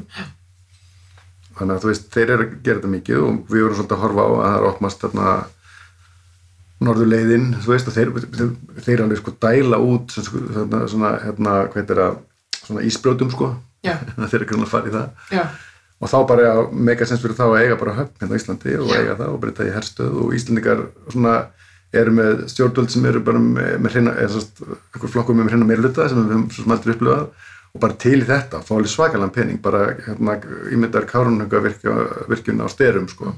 þannig að svona svona konsept já, þetta er nefnilega skuggulega ekki svo far fætst, það, sko, það, það er málið sko. Og hérna, það var svo áhugavert sem við pólitíkast að svona spottuðu þetta sko. og hérna bara eitthvað svona hérna, mann Pavel hérna, skrifaði um þetta grein sko, hérna, hérna, borgarfulltrúi þar sem hann var bara að vísa í sinn bakgrunn sko, í Pólandi já, að þetta var komið allt inn á stóra bróður sko, yfir, sem er svolítið svona komið mikið lítök sko. já. Og ég meina við erum farin að selja landið okkar, þú veist við gerum það alveg. Mhm. Og ég tala ekki um það þú veist, hérna, landsæði verður enn skornar skamt en nú er, þú veist Já, í heiminum bara. já, Já. og með þessi stórveldi þú veist, hvað, hvað er að fara að gerast milli Kína og Bandaríkjana Mm. á næstu árum er svona stóra veist, þetta loftlagsmálin eitthvað svona Mhm. og hérna fólksvetningar sjálfsagt sko sem tengist náttúrulega loftlagsmálunum en þú veist, geopolítist er þetta stóra máli næstu árin, Hva, hvernig verður þessi þróun -hmm. og hvað áhrif mun hún hafa ég meina mjög hérna, áhverð að pæli þessu sko er þetta ekki svona stærsta topic inn í, inn í þáttunum, eða hvað? Jú, þetta er svona, þetta er, sko við erum að segja sögur sem eru, gleipa sögur sem eru í þessum heim og þetta er núar, sko, þannig að þú veist, og núar þrýfst best þegar heimurinn er vissaverður, sko. Já, akkurat Þannig að, þannig að veist, það var alltaf konstið að búa til svona einhverja umgjörð, einhverja, einhvern stærri heim Já. Sem að stella er að operera í, það sem er bara, og, og, og þá opnast það alls konar svona skugga hliðar í, hérna, í mannlífinu sko. þannig að, það, að kemur þaðan uppalega en svo er svo gaman að fara í þess átt sko. já, og hérna, hún tengist hún inn í politíkina og svona að hérna, þetta er að skemmtilega við stelu sko og það má vera með stórar hugmyndir -hmm. og hérna og einmitt fyrir annað sísoni þá var svona bara já, núna vitum við svona hvernig það á að vera getum fókusarað á hvað við viljum bæta okkur í og við erum líka búin að mm -hmm. einmitt búin að, hérna, við erum með sumu leikara svona aðall sko. Já, þannig að öðrum sem en þannig að ég get alveg tengt, tengt við þetta. Já. gera annars í svona eitthvað skemmtilegt. Það er svona, algjörlega. Hvað fyrst þér þú, hérna hva, í hverju ætlar að bæta þig? í þriðju sísoni Nei, í annari séri frá annar, fyrstu til tvö, eitt til tvö. Ég var aldrei bara með þetta markmið að svona einhvern veginn já, það var eiginlega eitt aðalatrið sko. Það, við vorum svo mikið með svona hugmyndir í fyrsta sísonu Já, sem er hann í bakgrunnum en svolítið svona fjallumvilli skips og bryggju sko, týndust aðeins. Og þetta er raun ekki aðalatrið sko. og núna er mér svolítið, er þetta er svolítið sem að kveikir í mér varandi þessar pælingar og svona leika sem er þetta, hvað þetta þýðir. Þannig að ég, það var svolítið stórt bara, nú ætla að reyna að gera þetta einhvern veginn involvera plotti aðeins meira inn í þetta og líka bara reyna að taka utan um þetta sko. Og láta þetta vera partur af þessu, láta þetta vera það sem kveikir í þér sem, það er alls konar hugmyndir í þessu sko, hérna hérna Dagbjörn sem að Sarðug leikur sem er fórsetisagara, hún er sko með markmið sem er rosalega interessant sko, hagfræðum markmið að við Íslingar sem þjóð þurfum að vera ein miljón til þess að vera hagstæri sem make a sense. Mm -hmm. Og hún veit ekki hún vil ekki bara flytja fólk til þess, hún vil líka við fölgum okkur oh, það er mjög hérna, skemmtileg hérna, skemmtileg pæling sko. mm -hmm. þannig að hún er búin að setja sko hérna, svona, svona, mikið kerfi, mikið átak í gang og með mikið mikla peninga eins og ég segi, hún er með kárninguvirkuna á styrum peninga mm. til, að, til að borga fyrir svona þannig að núna er það bara þannig að þú eignast hérna, eftir sem eignast til í börn færi meiri skatta af hérna, þínu launum. Yeah. og þú veist með, þú mun ekki nákvæmlega hvernig við endum en þú veist, þú veist með fimm börn, þá bara borga enga skatta. Já, það veit og hérna mikil, já þetta skiptir máli. Það er mikil hvað hvort það er fjóra eða fimm. Já já. Og hann er rosa svona í, í, í þessum heimi þá erum við að fara í öfuga átt heldur eins og Vesturlund hafa verið að fara veist, undanfærin hundra ár sko. Mm -hmm. við erum að bara, bara fjölg okkur massíft alveg brjálaðislega já hvað áhrifur það? Hvað áhrifur það sko? Mjög skemmtileg pæling bara sem eitt dæmi. Og, og þannig við svona reyndum að tengja þetta inn í plotti sko og svona reyna að gera þetta kannski að, að svona stærri, stærri hlut sko. Og þetta er svo út frá út frá svona hérna sko hagfræði pælingum að þá er ein miljón þú veist, eiginlega svona ákveð lámark fyrir alls konar hluti, við erum svo fá, við erum svo lítil. Yeah. þannig að er bara að mér dýrt og erfitt að halda út í alls konar, bara okkar plansa, veist, og svo framvegis. Yeah. þannig að svona einhvern veginn mér finnst þetta áhugast út á því sko og ég myndi gætna vilja að, veist, að þetta element væri eitthvað sem að veist, myndi starta einhverju allan einhverju pælingum, ekkert að við þurfum að fjölgur sko en mm -hmm. bara svona þessar, þessar hugmyndir sko. Þannig að þetta verði eitt og svo vil ég líka bara var ég vildi ég vera skýrar á því að hérna að, að vera svona í, að vera svona í meiri svona aggressífari stílfæringum. Já bara stiga fasta til jarðar í þessu Já, já. Bún, búningum, karakterum, öllu. Og allir lukki sko. Það er mjög gaman. Já, ég verði að segja sko að því að við hérna, til dæmis Silvíja sem var búninguhönnur hjá mér í sýsturvöndum var einnig búninguhönnur hjá þér. Mm -hmm. á svona og hún var aðeins svona, ég held að hún sá á hún að hlakka alltaf til að fá að gera eitthvað annað en, en snjáður galabús í einhvers að mínum realíska leðilega heimi bara sem er alltaf friðdagur þá bara loksins er komið einhver eitthvað alveg til að gera og, og földur að prjóna að skapa já, já. fyrir útlýtshönnuði skilur og fólk sem hefum útlýtstildar að gera. Já, algjörlega, menna, hérna, þú veist svo deild og leikmyndadeild og svona fær svona öðruvísi challenge sko. Já Menna bara ljósadeild fær alltaf öðruvísi challenge. Þann, það má bara hérna Gama fyrir krú myndi ég Gama fyrir krú, sko, já, já Svolítið, og, og ég, var, ég var alltaf að næra þetta líka. Já. reyna að láta alla kveika þessu mm -hmm. og koma með hugmyndir og koma og íta þessu og íta mér og eitthvað svona. Mm -hmm. þannig að þannig að já þetta, þetta var ástæðan fyrir vildi gera þessi svona. Og fara meira í þetta. Já, þetta er örglega líka bara þú veist uh, gott fyrir verkfærin í lengstura kistunni að fá þetta þú veist uh, fá að ytta sig í þessa átt Já Er það ekki? Jú, jú, svo náttúrulega núna langum að gera eitthvað allt annað sko, já, já, þetta, en það er bara svo gengur. Það er einmitt. En að því að að tala um æfingar í mér áðan, þú veist, hvernig, hérna, hvað með æfingarferðli í þessum þáttum? Já, það er, það var svolítið alltaf erfitt núna átt af COVID, sko, og, en, en sko síðast var það þannig að ég, ég mitt, ég, ég, ég gerði þetta alltaf svip og varst að nefna aðan sko með casting, það sem er bara ráða, ég var mjög lengi að velja aðleikununa og Rísastórt Já, bara náttúrulega bara, þú veist, aðlutur er alltaf svo einhvern veginn stærst ákvæmni sem að hérna, stýröldlöru stýröldlöru sko. Mm. og þannig að, og þetta er mjög trikkið með díalóg og svona, ég var alveg bara sko, eitthvað mörgum mánum í að velja stelu sko. Já. og heiða var einhvern veginn ekki beint endilega einhver kandidat sko fyrirfram fannst mér og svo einhvern veginn var mann hún á og smá, smá saman einhvern veginn. Vann ég mér þá átt með það sko en svo þegar hún var komin þá var ég mitt mikið að og meiri sé áður hún var komin þá, þá vorum við að prófa líka sko í þetta dagbærta hlutverk sko það er mjög svona nánar sko. Já, já.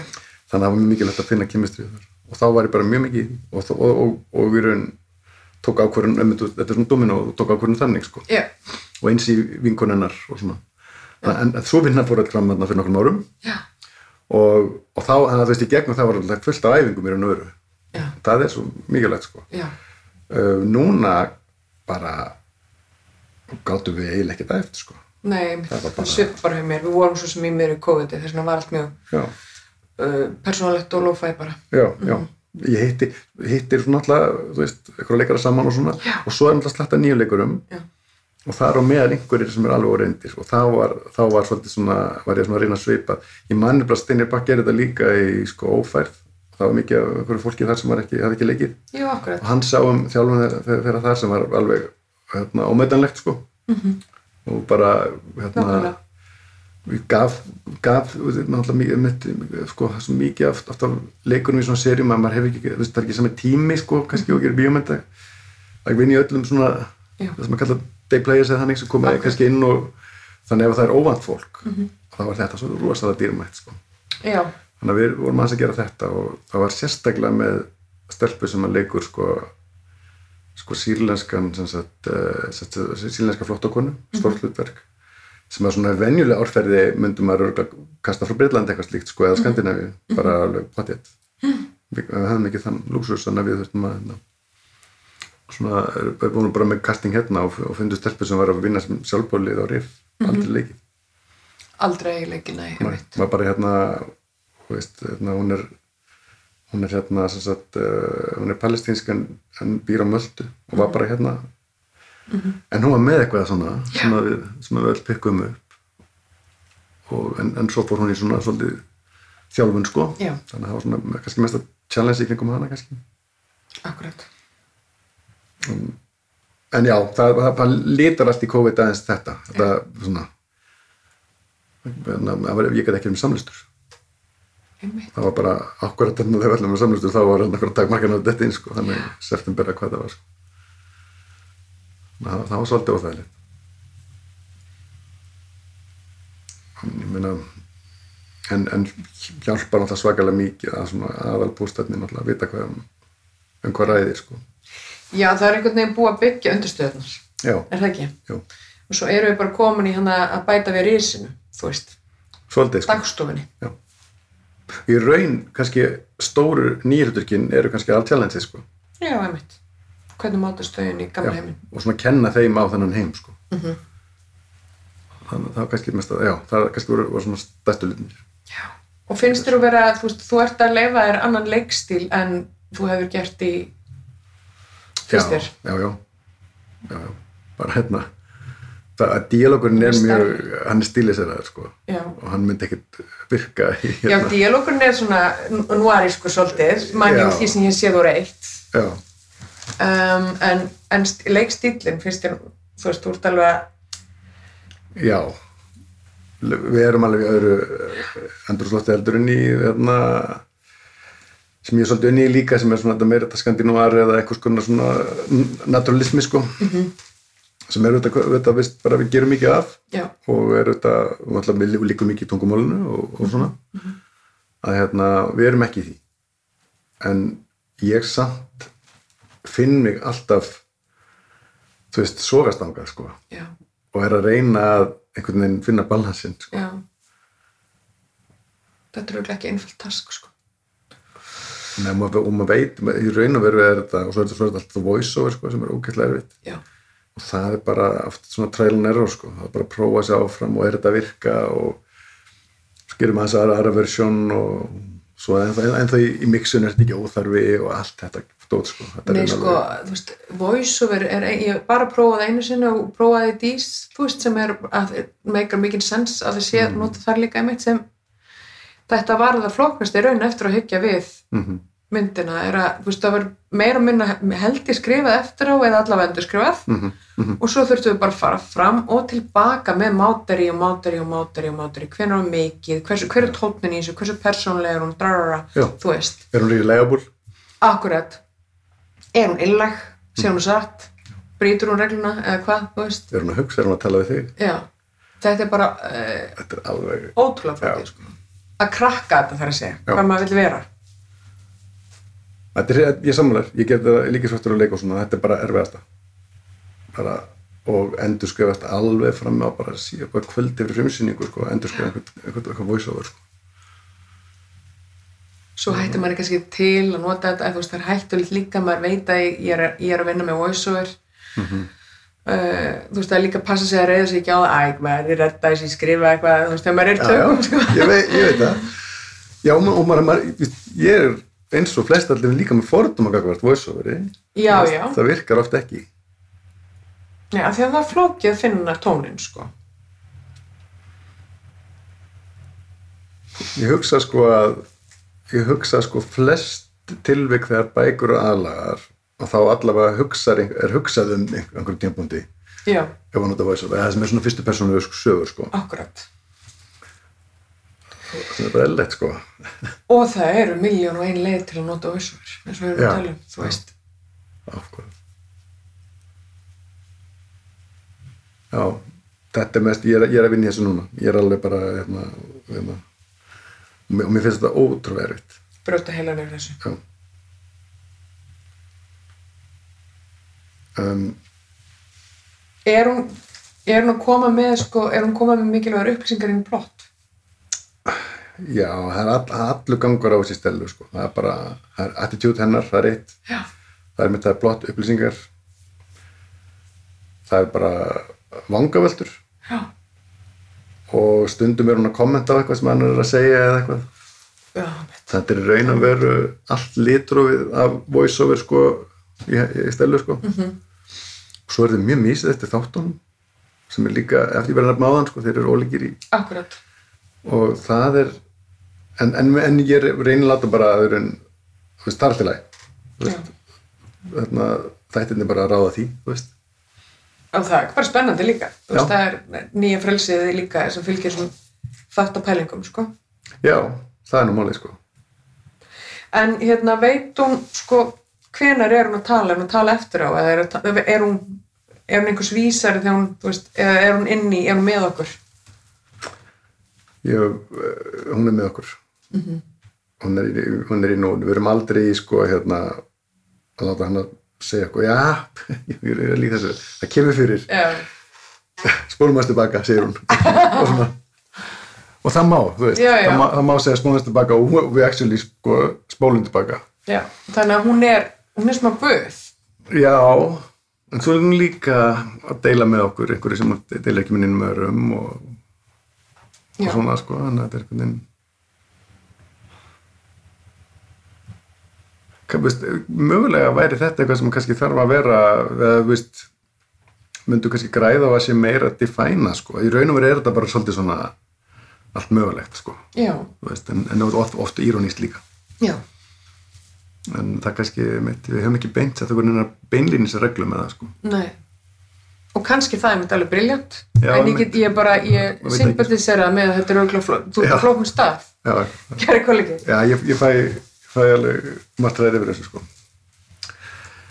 en en já, hérna langar hans að kannski halda fram líka bara að ræða almennt um sjónvar -hmm. og hérna uh, og ég meina það er vantarlega dálítið mikil munur þú varst að vinna í sýstraböndum heldur en þú varst að hérna, vinna í þessum fyrstu serjum bara í umgjörð og, já, og öllum aðbúnaði og svona sko. Já, ekki spurning og hérna já, svona bara ég ég ætla, já, kannski út í þetta- er mörgulegt sama og leiktur bíómynd en þetta er líka mörgulegt einhvern veginn og öðruvísi sko.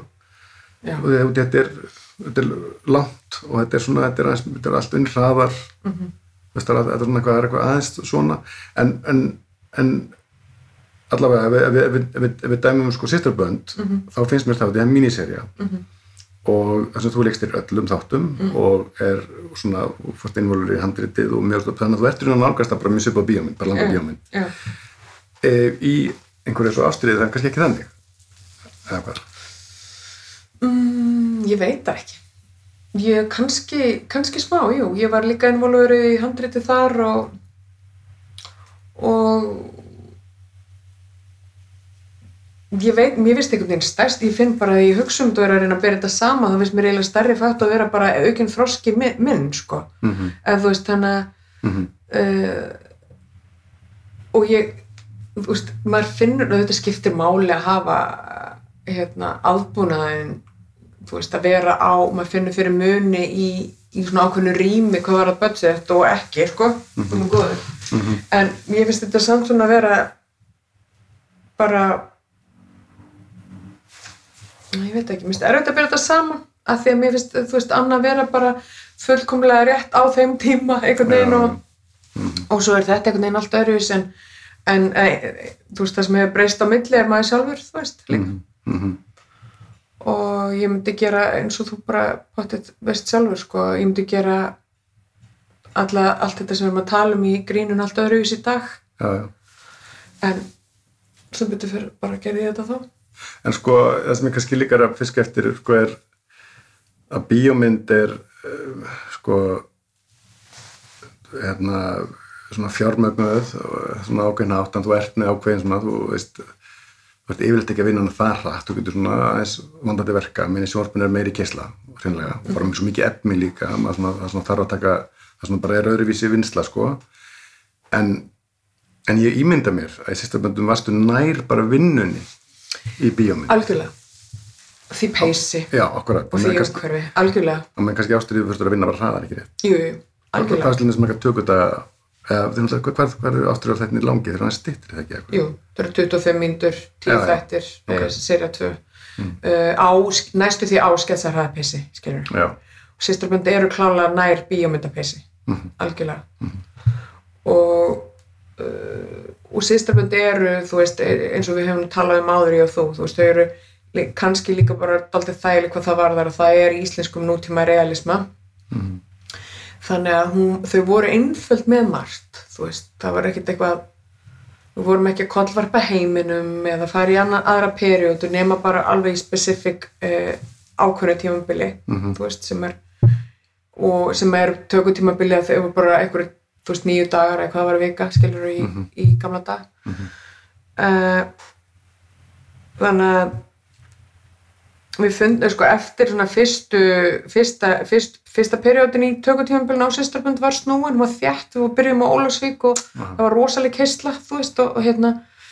Um, en ég var mjög glöð, þú veist, að við vildum öll byrja á fortíðinni og setja tónin fyrir það sem að við vildum vita hvað við værum að fjalla um, basically, sem að bara svona pílita eins og ég var að tala um áðan, þú veist, bara að við fáum öll að gangi gegnum það, bæði sem krú, leikarar, höfundar, allir. Mhm. uh, að þetta er það sem að setti tónin og breyttu öllu, þú veist. Hvað gerðist fyrir þessar stúlkur í fortíðin og hvað þær gerðu? Þannig að það var mikilvægt.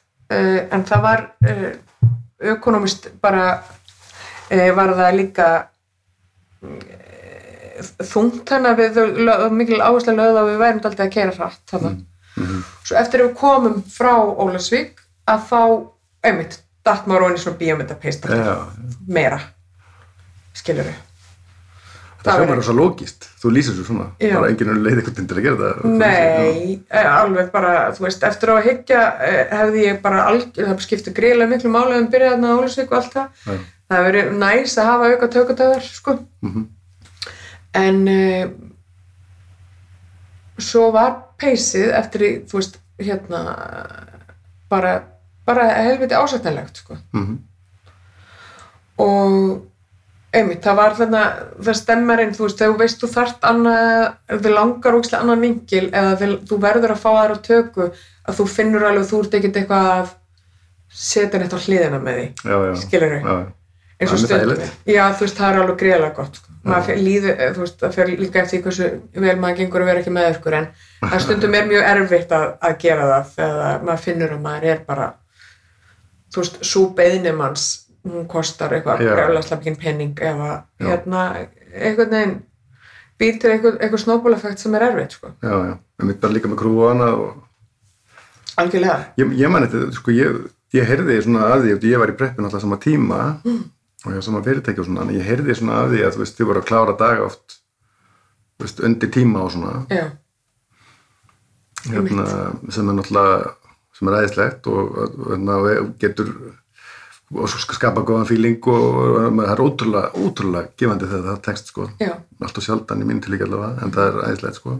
En menna, það er kannski annað, þetta er annað kannski sem kom inn og alltaf þannig það, sko, í, í þessum sjómaserjum þá er náttúrulega tímabilandi langt já, og það er alveg sko spurning hvort að sko, maður velta þessu fyrir okkur hvort að sko ef, ef maður getur eða þú veist, hvort, hvort tökundin megi vera stittri Mhm. -hmm.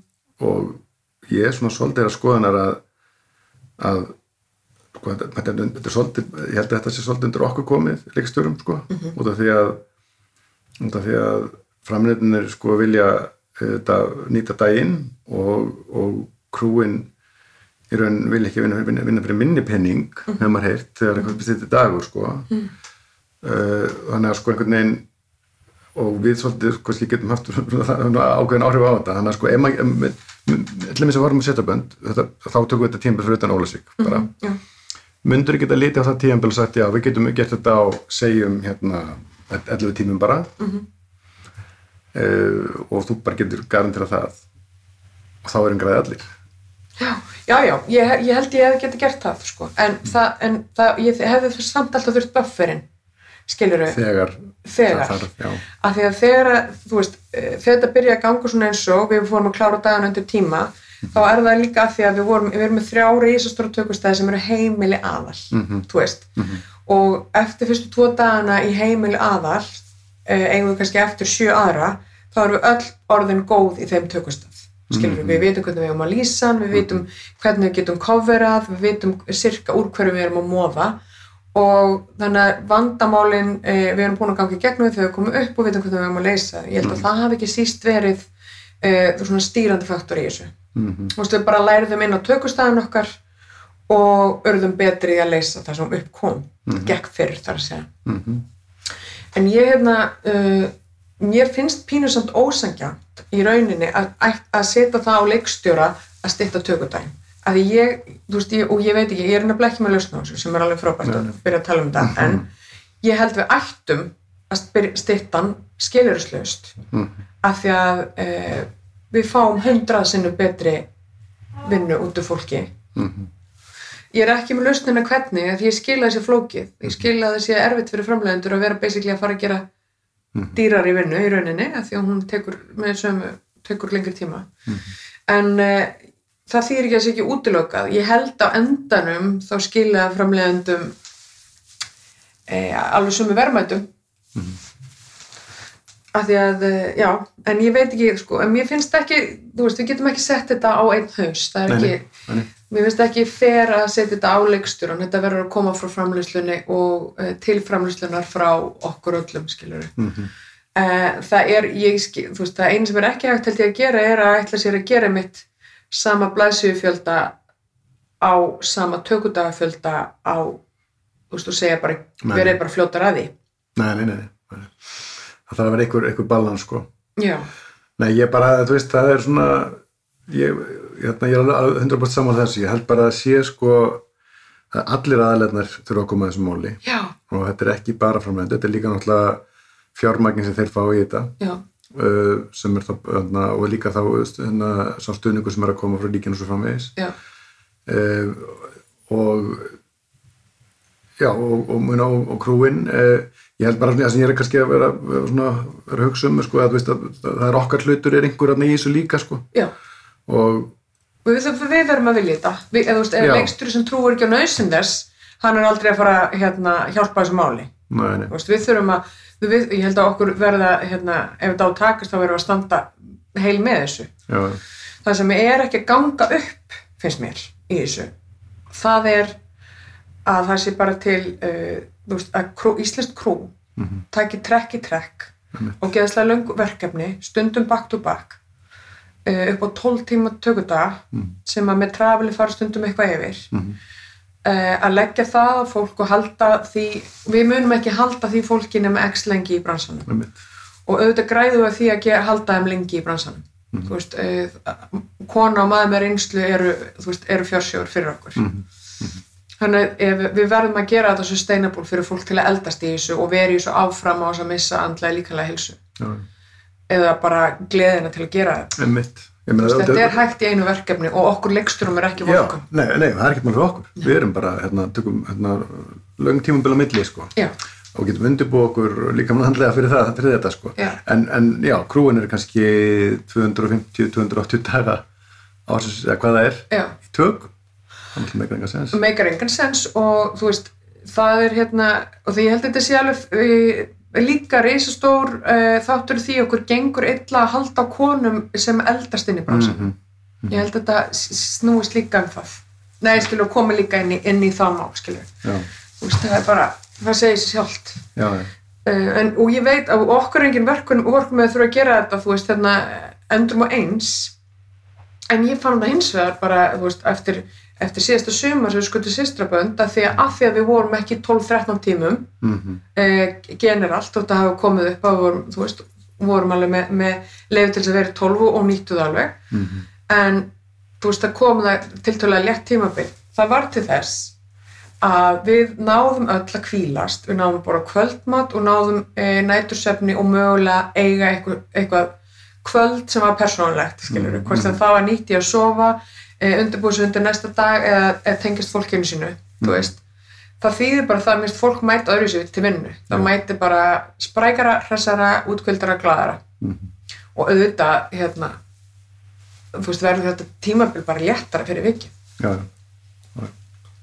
Ég meina, ég unni, unni tíu tíma umhverfi erlendis og ég byrja átta tíma einmitt.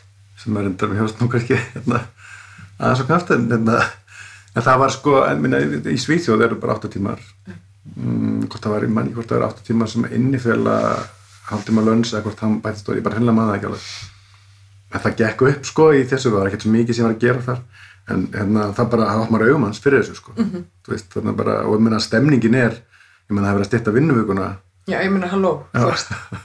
Og allar rannsóknir sem í kringum þessi styrtingu vinnuvíkunar segja að þessu meira ákvöst í Já. kjölferið af þessum í kjölferið af því þessi styrt en auðvitað verður að undirbúða að taka sérstaklega utan að þá og vilja það. Já, já, veist, þannig að það er ekki ekkert veginn bara en hérna hvernig veist, eins og í þessu 8, umhver, 8 tíma umhverju og 10 tíma umhverju mm er, hvernig er það gert þar? Já, ég það er alltaf stærri krú sem ég var með þar sem að skiptir aðeins máli. Þú veist, þarna ljóstildin er alltaf með getur alltaf verið að prýrika og það er bara það er, það er svakalug kostur og uh, og ég var daldið, við vorum daldið að vinna með þennan í stelu sko, að reyna að vera, að þetta var eitt sem gætum gert, að þess að reyna að hjálpa okkur. Við erum svo mörg location sko. Akkurat. að reyna að vera alltaf með einhvað sem getur prýrikað og þá getur það svona til að vinna tíma. Og já, það, það, það, sko, það er ekki mikið fyrir dagar sem ég var að vinna með kannski og aðeins. Já, en, uh, en stærri krú sem auðvitað þeim alltaf dýrara já, og það hjálpar þessu.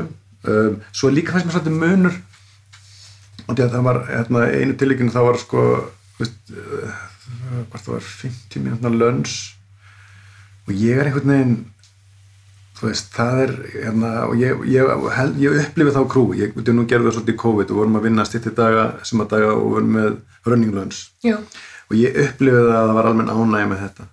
Já. þetta er kannski eitthvað sem að stundum auðvitað sem nýta hátið til að gera eitthvað svona sko Já. en uh, allavega var fólk almennt ánægja með að fá bara fyrir heimamóti sko já, og þetta gekk mjög vel og, og í raun og veru þá farið ekkert að breyk sem að einhvern veginn stundum uh, þú veist, hérna, verður aðeins lengra til að fólk er ennþá einhvern veginn að koma sér um að mat já, og maður er, maður er þetta, á sko. sér upp eftir lönns. Já, Mhm. allt þetta, en þú veist það var kannski hérna, það sem mér varst best sko þegar var, þegar var bara stittir lönns. Uh, það manningunir regluna voru þá þetta fór í nýju tíma af tíu ef maður með rauninglöns í Ítalíu þegar ég var þar sko. Maður mann ekki alveg nákvæmlega. En ég, ég upplifið það ekkert sem verra þá, Nei. þá bara já, það er frábært ég vil hafa þetta frekar.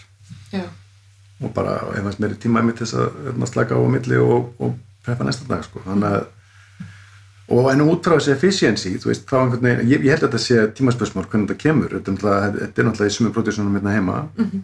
og hérna, sum fyrirtæki er að vinna með þetta meiri nönnur og svona. Akkurat. uh, en ég held að þessi tímaspörsmál þetta, ver, þetta, þetta, þetta verði en en, en uh, hérna en það þarf svona svolítið held ég einmitt sammenningar vilja og átak sko. Bandar ekki munum það í 12 tímum.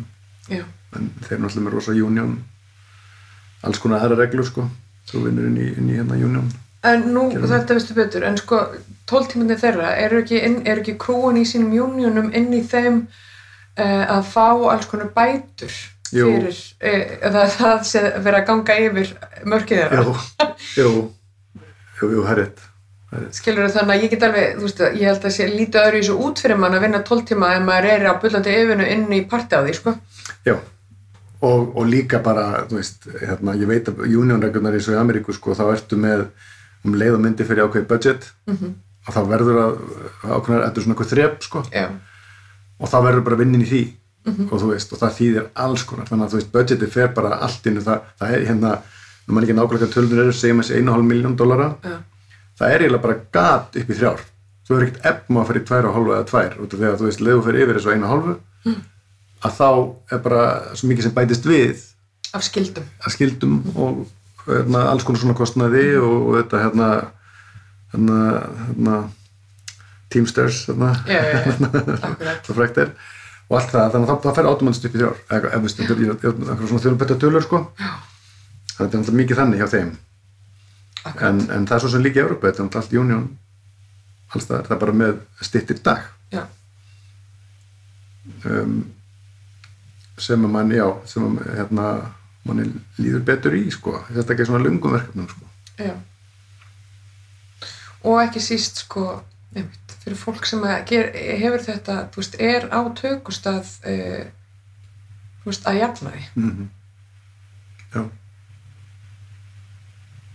ég veit ég menn þú fyrir eftirvinnsluna það er nú svona að jafnmaði eðlir dagar þar Ég fyrir leikstura, já, bara fyrir alla já. Svo bara eitthvað svona kröns í lokin eða þú veist er Ég svona, meina, algjörlega, það á að vera það. Við verðum líka bara að vera svona, veist, uh, við verðum líka bara að vera pínu svona sóper með það að, veist, við, það er, skilur það sem að kemur út úr manni á ákveðni þreytustígi er ekkit glansandi, skilur Við verðum að taka ábyrð á því að vera blómstra. Partur af því að vera ágætlega nerður og kvildur og, og tiltölu í lægi, sko. Mhm. Þannig að svona, ég er búin að fá, ég er svona langfritt á þessu vinnusnobbi í okkur Íslendingum, skilur Einmitt. okkur finnst alveg það kingimagnast að öllu að vera bara, þú veist, korter í, hérna, korter yfir eitthvað þrótt og það sé til maksimum sem dugleg, eða Já. þú veist, einmitt þetta er bara, þetta eru bara komplexar. já, og skilja sig þeim ekki ákostum Nei. Já, ég veit ekki alveg, ég er, ég heldur ekki með lausnin en ég held að hérna, þetta sé eitthvað sem að hérna, við bara allir blansinn þarf að fara að finna úr.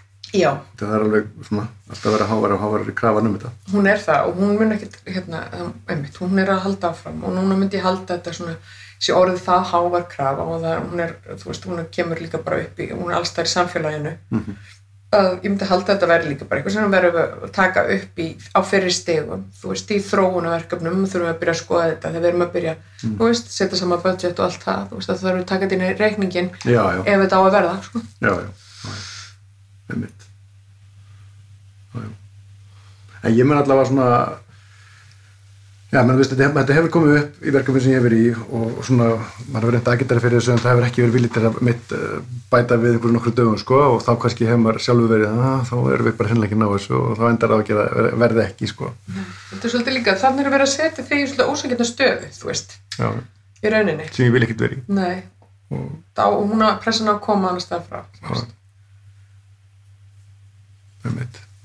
En, en já, en sko út af sjónvarpinu uh, sem, sagt, sem er náttúrulega oft svona löng, og út af öllum þessum elletuverkefnum sem eru löðið hingað út af endurgjörslinni að þá, þá er þetta raunveruleiki sem er frábært fyrir okkur leikstóra sjálfsögðu að við erum alltaf með svona, svona stórt mengi af professional crew sem er Já, og það er hérna það er svona kannski einn stærsta breytingi sem hefur ge- gerst síðustu tíu ég meni ég, ég man sko mér fannst rosa mikil breyting frá aldamótum -hmm. þá var maður kannski þá var ég svona eitthvað búin að vera að vinna í þessu áður svo, og Já. bíu út í nýju ár og kem heim og því geri svartur og leikt 2011 já, ég bara, vá, herri, þetta er svona meira allt var svolítið svona Já. prófið heima og svo Já. er svo munurinn á svartur og leikoger og núna já, gríðalegu líka já, þannig okkur að fara rosalega fram alveg gríðarlega hratt. hratt fram og, og, og, og, bara svona þessi professionalismi og, og, og þessi svona þessi fjöldi fólk sem er,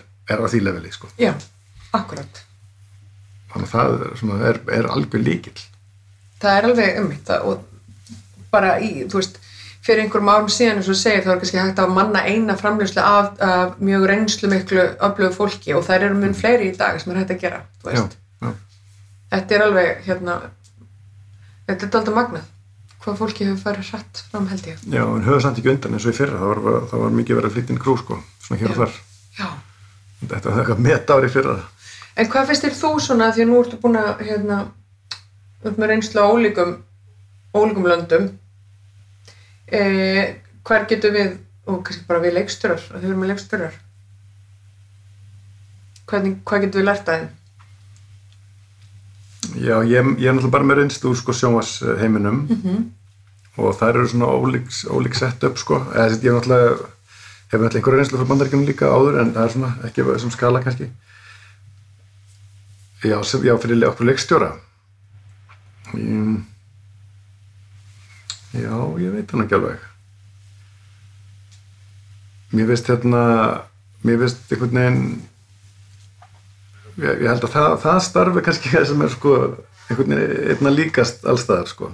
Okkar Já, starf og sko. þú veist svolítið ekkert með að vinna með eitthvað ógisla mörgum öðrum leikstjórum í, Nei, ég ætti að meina það sem að vinna með öðrum svona. já, Já, já, já, einmitt, einmitt. Já, ég, mér, mér veist ég bara alltaf læra eitthvað nýtt og nýjum leikstunum sem ég vinn með.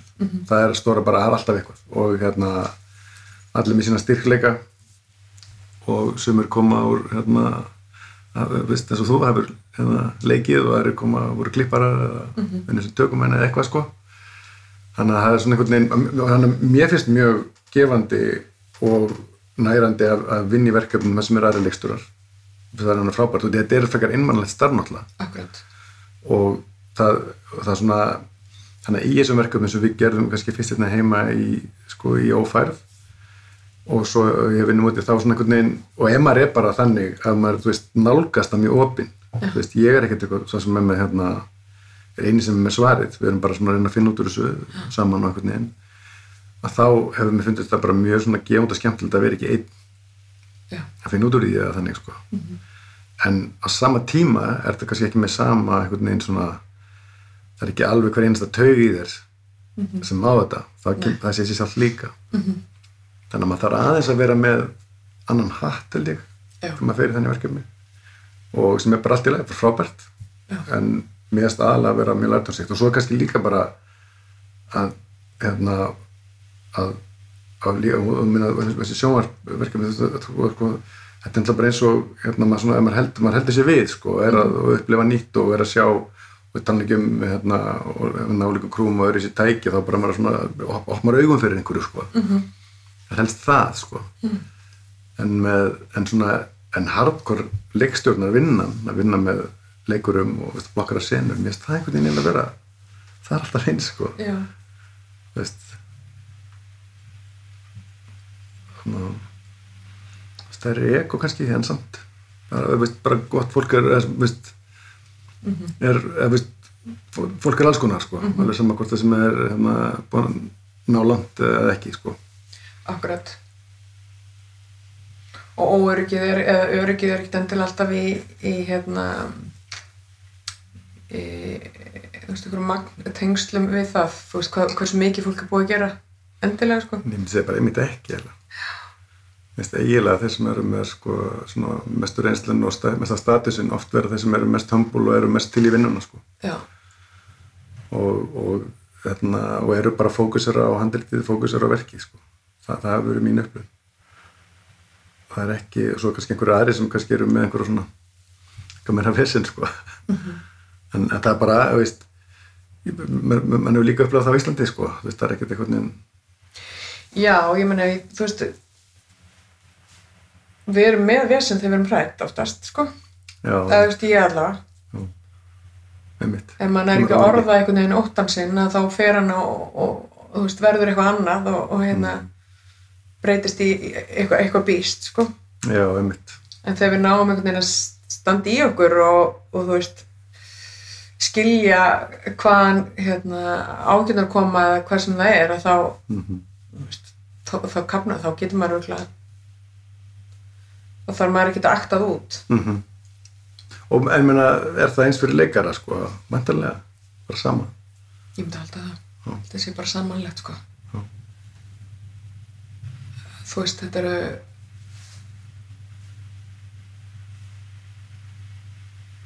Oft er þetta bara eitthvað draugagangur, sko. mm en þú veist að, já, Nei, mitt um, Já, þetta, þetta, þetta, þetta, er náttúrulega sko, og, það, og svo er þú veist meina, kannski mest í skólinn sem maður hefur lendi í eru já, eru, þú veist, geðveikin sko, þarna tveir tímar eftir deginum og eitthvað svona þú veist, þú veist þannig á þessu öllu og leikarnir ekki syngi og ekki skilja þetta og allt þetta sem er náttúrulega getur verið svolítið svona helvíti þegar maður er í gangi gegnum það sko. En svo alveg magnað oft þegar maður lítið tilbaka og bara herru, wow, þarna við actually fundum út úr því eða þá, já, ok, núna veit ég hvernig ég á að taka þetta eitthvað svona. Já, það eru eiginlega oft bestu momentin sko. En, og líka náttúrulega við þessa kringustæði þá fær maður hyperfókus og maður verður oftast. Þú veist, ef, ef þú ekki, ferði ekki bara hérna algjört uh, einmitt. Að, hérna, sem getur alveg gerst að bestu bæjum en, en hérna, ef maður er að sleppa því þá, þá ferður náttúrulega bara ok, nú kæra einhverna, þú veist þetta er hyperfókus. Þú verður að gera svo vel. Já. Og það er ekki pláss fyrir eitt en eitt nema bara að við gerum alveg bara 100% bara hvernig náum við það allra og þarna líka bara hvað er það allra nöðsynlegasta já, já, þú veist hvernig, þú veist, hvað þarf ég að hafa til að geta klift þetta saman? Já, þú veist, að verða á endanum og hvað er það mikilvægasta? Þú veist og sjálfnast er það að klósa upp á þessu að einmitt. oftast er það bara þessi tilfinning Mhm. og þessi dýnamík hvernig náða því fram já og svo verði ég að eiga þetta bíófið hérna til þess að eitthvað, eitthvað svona Já. og svo bara sækjum maður það og svo þetta til að redda mér ef allt fyrir Já, já. þannig að þetta er einhvern veginn og þetta er Algjörlega. alltaf holdt og gott að í gegnum sko, algjörlega og það, hvert einasta verkefni er með svona moment sko, mismörg en, algjörlega. En með einhver svona moment og það er svo oft sem að bara herðu, þetta var nú bara hundar svona skemmtilegri laust sem kom út úr þessu heldur en hérna, ef maður ætlaði að fara í þetta hérna, tíu vinkla coverage sem maður var búin að plana sko, eða hvað það var. Mér finnst ég alltaf vera að læra það meira og meira þú veist, á endan Mm. þetta bara alltaf um, þú veist að ég var fann að gera svona meira og meira í sýstraböndu til dæmis líka bara uh, um, þetta er náttúrulega bara samt aðal um þetta. Þú veist, þú veist, ég veit að þetta og þetta verður að koma fram. Mm Já. um, þú veist, treystum því. Treystum því að þetta sé um þessa tilfinningu og gerum þetta út frá tilfinningunni. Mhm. og mér finnst það svo gaman líka. Og auðvitað, þú veist þorum maður kannski ekki alveg að láta einhverja langa samtalsenu halda bara í túsötti þú veist að maður kannski hrættum að eitthvað. Mhm. þú veist að þannig að maður tekur svona bara öryggisvingla en það er ógeðslega gaman að hugsa bara ok, hryggjasúlan er þetta túsjótt uh, sem er, þú veist, og við eldum að gerum hvað sem er. Mhm. af því að senan er, þú veist, lífæni senan er þarna. Já, já. Já, ég meina það hérna, það sem ég, það sem ég hræðist mest við svona ákvarðanir sko er að er að yfirleitt finnst mér handrið vera sko svona óreitin eða sérst ómikið heldur en, heldur en eh, já, hitt sko að þá endurum með í kipparbygginu við þurfum ekki þetta, þetta, þetta sko sem ég held að við þurftum sko. Já, það er það sem að sko, alltaf minn ótti verður þess ákvörðin en ég elska það þegar maður, hérna, já, þegar maður, maður stundum verður maður, maður að taka þetta svona Já. og standa með því og, og svona. Já, þetta er náttúrulega rosa hérna, einmitt, þetta er, er slatt að pressa á skrif, sko. Já, þú já. veist, með mitt það er svona þýtar þetta svona fram og tilbaka daldið, sko, þú veist, þetta ég hugsa svona ákvarðanir að því að veit finnst ókslega gaman að vinna svona, þá er það alveg hjálplegt inn í næsta skrifferðli, já, skilur já, já, já, þú veist, þannig að bara leifa því líka að gerast. Manstu hvað finnst ógeðslega gaman að láta að vera já. ímyndaðir að þú hafur eitthvað möguleika á setti. Það er kannski líka bara senan þá það er að stýra því því að Já. með suma sinnur veit maður nákvæmlega senan á að gera. Maður er búin að hugsa um hana og æfa hana og eitthvað svona og jafnvel mitt aðlaga hana í því ferli og eitthvað og meðan aðrar er maður bara já, þú veist, hún er ekki rýmislegt þú veist, eh, maður er bara ekki með sumu sem að rammötana, maður er ekki búin að taka utan um eins vel. Og þetta gerist alltaf oftar í sjónvarpi þess með bara meira magn. Algjörlega og þetta gerist meira held ég í action-driven eh, hérna, verkum heldur en þú veist, drama per se, þú veist, það er og svo oft finnst mér þegar við erum í drama þess að við erum með kannski, þú ert með texta og undirteksta og svo ert með tilfinningu sem þetta koma til leiðar og, og þú ert annað hvort að leika mótaði með því og alls konar svona. En það er ekkert mjög oft sem þau þurfa líka að ná í bollan og gera þetta og drúru og drúru, drúru, drúru á saman tíma, þú veist. Þannig að maður getur svona leift þá tilfinningun að stýra líka bara, þú veist, að fara inn í líkamann á þeim og svona, já, já, já.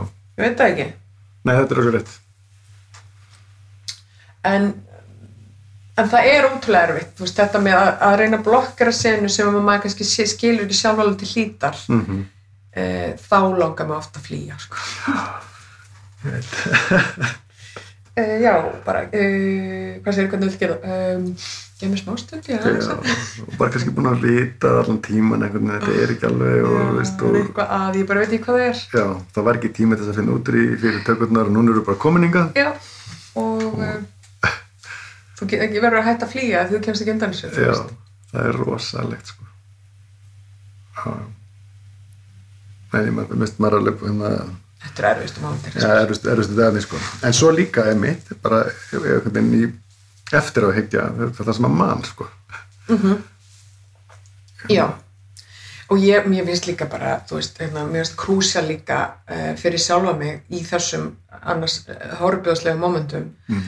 Að bara þegar ég byrjaði bara, þú veist, og það er alveg svolítið síðan, byrjaði bara að gefa mig leiði til að bara segja þetta, heyrðu bara, ég er búin að vera að hugsa um dúslega lengi, ég hef ekki fundið út úr þessu Mm og ég veit ekkert hvernig ég á að gera þetta þannig ég þarf eiginlega að fá stund eða bara getur, getur mm. talað um þetta eins um, því ég mann þegar á yngri árum þá, þá eitt ég líka slatta orku í að hérna, fela það ég vissi ekki Mhm. neitt Já, og það tekur helst power sko já, já, þetta er alltaf kemur með reynslu og já, sennilega þroska líka og, þroska, og einhverjum sálfræði tímum Ég er alltaf með þá bara hérna, daglega á heimilinu, sko. já, fyrir að þú er svona smá forgjöf sko Nei, þetta, ég, ég hundar bara stengið þetta. Mhm. Það bara, hérna, og út af því að það, það er allir að vilja gera til að hjálpa manni. það er uppgötunin sko Já. af því að er, við erum öll í þessari stöðu alltaf. Mm líka við í krúinu. -hmm. þú veist, gafferinn lendur í þessu líka. Já, heldur betur. þú veist, eh, hérna tökumæðurinn eh, aðstofatökumæðurinn skilur við, og hérna þú veist, búningahönnurinn skilur við lendum öll í þessu. Mhm. að við erum bara, þetta er ekkit flóki við erum öll að vinna í reysa stóru kreatífu ferli og við erum ógæslega flókin verkefni uh, og önnur mjög einföld. Sumt bara, vitum við ekkert hvernig við erum að krönsa við erum búin að reyna en við erum ekki komið neðustu Mm. Og þú veist, samtali er það eina sko. Já, já, og ekki til að, að því þú veist, nú er ég ekki að segja það að ég vera bara eitthvað danskur dialógur um allt sko, sem að Nei. ég fæ alveg bara stundum orku stól yfir. Heldur líka bara svona að þú veist þessi traust í mómentunum fyrir samtalið á alla bóa mm en við sem leikstjóra við, við höfum held ég bara daldið svona mikið um það að segja hversu mikið leifi er gefið fyrir því mm veist, og það byrja kannski hjá okkur, ég veit það ekki. Já, það gerir það held ég. Það með þetta er líka, já, með það er líka annað, sko, sem er þessu, alveg tengt, það er að einhvern veginn, að þegar maður er ekki að finna senuna, sko, mm og hérna, og það er eitthvað eða bara, að hún er taka eitthvað að leifa sér að bara vera í ég veit að hefur áhrif eitthvað sem er að koma eftir já, en ég má ekki stíð út úr í núna og að það er ekki að virka sko. Já, og hérna að geta leift sér að hérna, við verð, verðum bara hérna, að prófa eitthvað annað og sorry, veist, þarna, og, og vera alveg fókusur já, þetta er eitthvað svona dót sem að einmitt einhvers konar þroski og reynsla hjálpa manni til að, veist, gera manni auðveldar að gera sko. Já, vera, já, það er, sennilega er þetta bara að vera, vera óhrætt við það að stíga inn í hræðsluna, sko, Mhm. þú veist Já, ok, núna er ástand það sem er bara, við erum í óvissu hérna, þú veist, tökumst á það saman. Já, og oftast er þetta bara, uh, leysir þetta rosalega mikið vandamál, mhm, skilur bara það að taka fimm mínútur í rónæðum þeim sem þurfa til að æfa, krönsa eitthvað komast að réttum díalóg eða stíga út til að ræða eitthvað sem er erfitt eða hvað sem er, þú veist, það leif okkur bara við bara svona, heyru, tökum fimm og þess að, að taka þess að fimm getur verið krúsjál algjörlega þó við sem á klukkunni, Já. alltaf þá eru þær bara til, tímaspartnar já, sko, já, ef maður er bara að pæla í honum já, já. og svo bara, hérna, ok, svo er þetta komið í gang og fara að virka, Já. þá fyrir maður hefði, ok, núna, ég veit ég þarf þá að ég með minni tíma þetta sem er á eftir eða eitthvað, sko Já. ok, þá, þú veist bara einhvern veginn að geta treyst því í hinum momentinu að, já, ég mun, ég mun leifin úr því núna á eftir, sko Já. Þú veist, og svo emmitt kemur oft bara einhver góð lausn úr því, sko Mhm. Þetta er svona eitthvað þetta er, þetta er þetta er rosa balansamt líka. Já. Þetta er balans, já. Og svona einhvern veginn, og það er líka svo fyndi sko, ég, ég manni hérna manni ekki hvað verkefum ári, eins og þetta upplifum ég, er alltaf inn fatt ég er alltaf að segja við aðstofleikstur að þetta sé einn mikið þetta sennan þú veist, það meikar ekki að segja þess. Jú, það er svolítið mjög, mjög, mjög fallegt. Það eru bara allar heldur mikilvæg. það eru auðvitað mikilvægar sko, en þú veist, það samt meikar ekki sens sko, það eru, veist, það eru mismikilvægar sko. Og þá, en hérna en þú veist, það er líka þetta. Þú getur keftir tíma í það sem þú virkilega vilt Já, með því að identify hvað sinnir eru minna mikilvægar sko. Þetta sumar eru bara einfallega minna mikilvægar. Það er bara hérna einhver sem er að fara á milli og er mitt að ná í hlut og eitthvað. Það þarf ekkert endilega að kofvera það þú veist, í fjórum miklum eða eitthvað sko. nei, sem tekur þá tvo tíma frekar en að gera það hálftíma. Þú veist, ég, rey, ég reyna að gera þetta svolítið.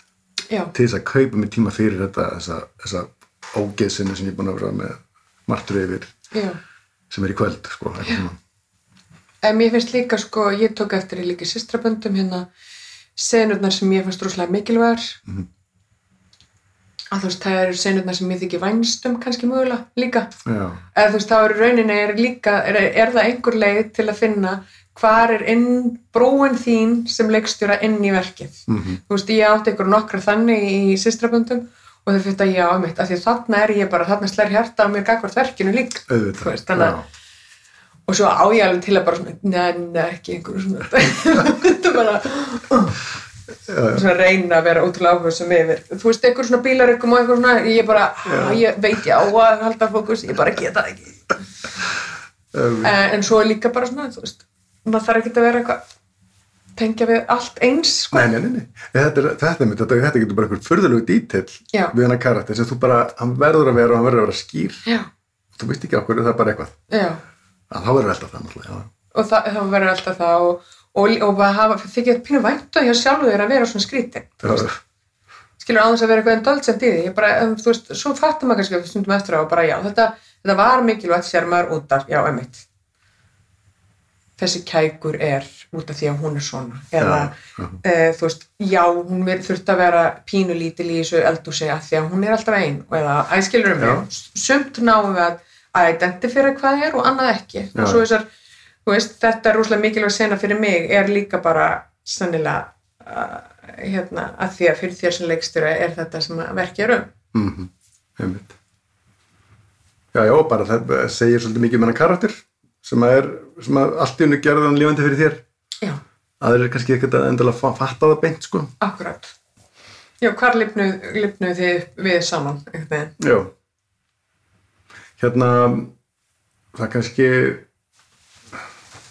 það kannski bara svona til þess að svona, svona, svona, svona sjónvarsumræðu sem er að mitt, bara, hún er líka bara re relevant út á okkar tímum, það, þetta er svolítið svona sem að einhvern veginn er svo mikið að gerast sko í dag. Já, það sem ég langar að ræðum sko er sagt, í, í dag þegar í nú ef við upplifum það að það er hérna alvöru eftirspurn eftir hérna okkar verkum alls konar verkum. Mm. Og bara jafnvel því meira lokal því betra sem sagt erlendis frá. Og það er svona allt innur viðhorfið svolítið mikið en já bara við hérna við erum með bara hver- hversu flott getið þið delivera þessu og svona eitthvað sko Já. í þessu umhverfi. Að þá svona þessar svona ólíku leiðir til þess að gera sko sjónvarp, að sjónvarp er veist, þetta er oft mikið efni, ég meina ég myndi segja að fyrir mína parta ef að, ef að það eru fleiri en sex þættir um mjög hæpið að maður vilji gera sko, það er um 645 eða hvað það er sko, eða meira þá er það erfitt að vera með mikið meira en það þú, það er bara svo rosa mikið liðferð fyrir eitt já, þannig að ég var svona að hugsa um sko já bara, bara, bara, bara spjallum þetta, það eru ólíkar leiðir í þessu og kannski engin ein rétt og eitthvað svona sko. og hérna Nei, ég held einmitt, ég held að sé bara, þú veist, það er, mér finnst einhvern veginn allt rétt í þessu í rauninni, þú veist, að því ég tengi mjög vel við það sem þú segir, þótt ég hef ekki prófað sjálf, en þú segir varandi það að, að taka í eins og serjum, að, að vilja vinna í díalóg með öðru leikstjórum, get ég ímyndað mér að geti einmitt verið mjög þarft, sérstaklega inn á milli og, og gott fyrir okkur, að því að þetta er náttúrulega drull einmannlegt starf eins og vorkjum okkur stundum yfir, en, en á samskapi fannst mér eins og ég var að hugsa með þú veist, í, og, og þekkjandi verandi að kynast sjálfur mér og svona, að veist, ég get ímyndað með stundum að það fari líka bara, þó að sé alveg mikið að halda á þessu, sex þáttum einu og svona, Mhm. en þá hefði líka farið, og þóður hefði verið 7-8, Mhm. það hefði líka farið slatta orka í verkaskiptingunni, í skipulaginu, í að, að missa ekki boltana, þú veist, ef við hefði verið fleiri, veist, Mhm. ef við hefði verið tvö eða tvær. Já, þannig að ég held að sé þetta er sannlega uh, verkaskipting getur og þú veist, uh, skipting getur verið þú veist, akkur og gott fyrir verkefni Mhm. en svo er þetta það er líka, þú veist, það er vinna að skipta verkum það Já. er, skilur Mhm. þannig að ég er svona Það er kostur og gallar bara, það er rétt sko. Er náttúrulega, það sem, þú getur grætt á því er sko að þú, þú fær þá tíma meðan tökuferli er í prepp líka sko.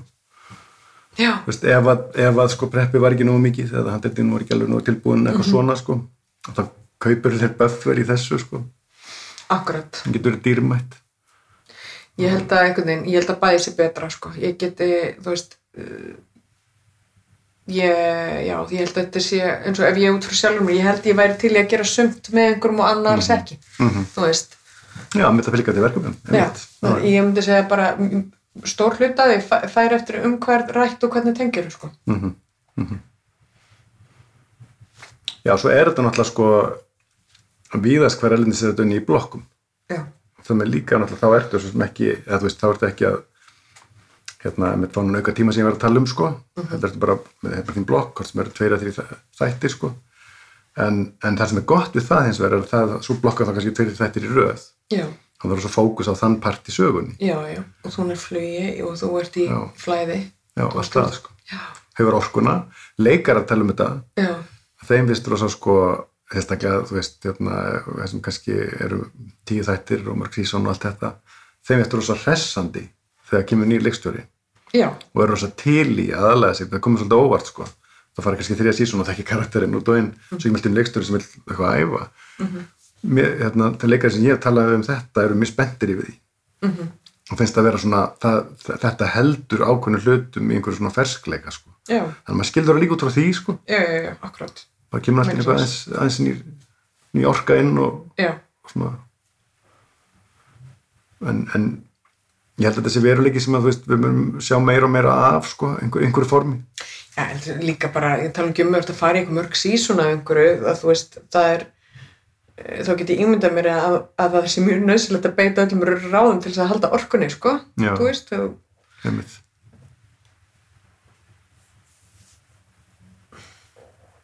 Já, já, en, en, en kannski þegar að vera að leggja upp seríu sko, það, þá er svona þá, já, en en þetta endur það oft þannig, þú ert með svona einhvern svona, það kallast lítdirektor eða þannig sko, eða svona konceptdirektor eða hvað er kallað sko. Já, sem það kannski er að leggja línu þar og, og svo svona er það svona því fyllt eftir áfram sko en hérna en já ég allavega í, í, í svona verkefnum sko þá þess að það sem er kannski með mörg sísón og margir þættir að þá er líka, þá getur komið stert inn þegar það er, ef það er svona svo kallar sjórunir, það er, það er einhver sem er með heildina. Og því að þú veist, þú sem leikstóri getur þá endalist sótt í viðkomandi já, sko. akkurat, það er alveg erfiðast, þú mm. ferð inn í eitthvað og veist ekki alveg allt sko.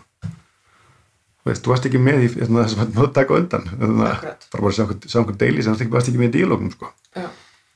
þannig að hann er einhvern sem getur allavega spurt þá nákvæmlega. Og heldur, þú veist, eru ekki líka hvort þið er, þú veist, ég veit það ekki, ég bara að hugsa út frá sjálfur mér, þú veist, eru ekki í, er ekki þróun líka alltaf meira og meira í þá átt að við erum alltaf að, þú veist, við erum alltaf að beigja sjönnrunar alltaf meira og meira og við erum að tvista þar meira og meira og við erum að, þú veist, uh, einhvern veginn snú upp að þær. Þannig að það er einhvern veginn sem að mér stókislega spennandi og, og, og kreatíft einhvern veginn. Að það, það líka sko það gerir það að verkum að það er ekki endilega klift og skorið með hvernig við gerum alltaf svona eða já, já, já þú veist. Einmitt. Nei, þetta er eitt sem, eitt sem er mest spennandi við þetta form, það er þessi möguleikar. Og við raun og veru miklu meiri möguleikar heldur en sko bíómyndin leifir sem er svona frekar standardform sko. Já, hérna, veist bara hérna, sko sérstaklega í streyminu það sem að þú veist sumir, menn það eru serjur hérna, sem eru sko eitt áttur er kannski 55 minútur þátturinn eftir í 28 mínútur. Já, eitthvað svona. Mhm. og maður bara, veist, er þetta allir bara? Nei, þetta er verið glúta einhverju í sögunni, þú veist eitthvað það er eitthvað sem kalla á þetta, þetta má þú veist, ég finnst þetta ógæðslega næs að vera að losna við alls konar af því bara reglum sem já, að mér finnst það að vera að defæna struktúr á mjög mörgu þú veist, einhvern veginn hjá okkur svo lengi, sko. Uh, þú veist, þannig að bara að kontenti sé bara ráða ah, þú veist, já, og breyta. Absolutt sko. Mér finnst aðeinslegt, ég man ekki það var einhverju sísonuna Fargo. Mhm. þegar allt í enn eitt þátturinn þarna, bara eldi eitt karakter til Los Angeles og var bara þar. Allir, allir þátturinn, ekkert klift á einmitt, og það er svo hressandi og, hérna, og þetta er eitthvað bara veist, og, veist, þannig er þessi mið þetta, einhvern veginn að færast nær sko, skáldsögunni. Já, sem að mér er alltaf þótt svolítið sko, eh, sem sagt, spennandi. Hvernig getur miðlinn fann að fært sér þanga og þá möguleika sem þær eru sem eru bara endalausir en er þetta ekki líka þú veist, er þetta ekki þegar byrja að smita líka inn í bara hvernig við segjum bíómyndir? Gera bíómyndir. bíómyndir Þú veist, ég held að þetta í rauninni þetta muni smita en þá meira en það byrjaði aðeins að gera núna. Mm þú veist, varandi leifi á hvenar, hérna, þú veist, karakterum má taka yfir og verða bara, þú veist -hmm. skiluru og crossover í sjöndrum og þú veist, hérna, byrja sem þessi karakter og verður eiginlega bara annar og þú veist, Mhm. Og ég veit að, og við höfum öll fundið hvað þetta hefur gert mikið fyrir, hérna í rauninni fjölbreytileika sko, hvern karaktera og bara alls konar karaktera á öllum kynjum í rauninni. Og það, þar hafa seriunar já, sjónvarpið þar hefur það bara tekið okkur næsta level sem að ég vil meina smiti líka yfir í bíóið. Og muni já gera það. Út af því að áhörundur venjast. Já, út af því að af því bara reglunar þurfi ekki lengur, þú veist, þær eru bara samdar af einhverjum, skilur mig? Það, þú veist, þetta er bara, þetta hefur alltaf verið gert þannig, er einhvern veginn ekki valið drög í listsköpun? Nei, einmitt. Er þetta ekki úslega flott lókarð Já, sko, já, nema hvað listsköpun er náttúrulega, okkar listsköpun er rosalega dýr. Já, hún er Það. Það er alltaf háð, sko, því, því elementi. að sjálfsögðu og þú veist, við erum hár uh, við erum ekki háð peningum en við erum háð fjármögnun veginn, Já, en þú veist Mm. en bara, það er bara þegar ég bara segi það er bara þegar byrjað að um, brjóta alls konar tabu í struktúr og Mhm. einhverju sem að áður var bara kynnt til sögunar sem bara svona meiri reglur en mannréttindi já, já, og mér finnst það bara pínu svona er, þetta er svo mikil gróska einhvern veginn möguleg þarna algjörlega. En ég held líka að bíómyndina náttúrulega voru alltaf háðar því þú verður að, hérna, þú veist, fyttin einhver slott hjá bíó svona til að setja með og eitthvað, svona, sko. Veist, Það er alltaf bara hverfa. algjörlega Já, þú og veist, líka bara og þú veist ég veit alveg þrátt fyrir allt sem ég hef sagt að það eru valið drög náttúrulega því ég segi af því bara það eru valið drög fyrir öllu Mhm. vafa lítið af hvernig hlutin hafa þróast en það eru líka kannski valið drög fyrir að breyta þeim Já. Einmitt. Já, og það er, já, það er við á svolítið skemmtilegum tím. Það, það, er, það, þetta, það er þetta svona stóra positífa okkar, okkar tíma með sjómarsfókus, sko. já og bara ekki bara það heldur líka bara hvað sjónvarsfókusin getur haft einhvern veginn örglega bara hressandi áhrif í kringu sig Já, á, á bíó og önnur form Akkurat. Já, erðu, ég er kannski bara árið 50 um komin yfir hérna, þessa hérna, lámarst tvo tíma sem verður mann á, sko. Þannig held að þessi bara orðið mjög gott og búið að vera skemmtilegt og gaglegt. Sumleiðis Takk fyrir spjallið bara Já, takk hjá fyrir. Já, allra bestu þakki til Silju fyrir heimsóknina og fráleitt spjall og ykkur kærlustendu fyrir að hafa ennst svona lengi og vera hérna enn að hlusta. Eh, Það er áhugavert að eh, eftir svona spjall þá áttum að segja á því að við kannski fórum ekki yfir nema mögulega eitt þriði af því efni sem ég svona hafði hugsað mér kannski fyrirfram að reyða við Silju en og það er nú líka bara partur af prógraminu, þetta á ekki að vera mjög skipulagt og, og hugmyndin er að, að spjalli svona uh, sjálft stýri í hvað átt þetta fer. Og mér varst mér frálegt til dæmis bara að, að, sérstaklega að ræða við hann um uh, hennar uh, svona casting og, og, og hérna og alla vinnu með leikurum. Og þetta er kannski eitt, kannski eitt að sterkasta sem stendur upp úr hennar verkum er hversu vel er valið hlutverk og, og hversu leikurinn er uh, að jafna um góður uh, og svo náttúrulega gaman að að, svona, að fara út þetta, þetta spjall um, um sjónvarpið og, og hvað er við erum stödd í, í því heldur saman á þessum tímanbúndi. En við segjum þetta gott í bíli, þar til næst, verið bless.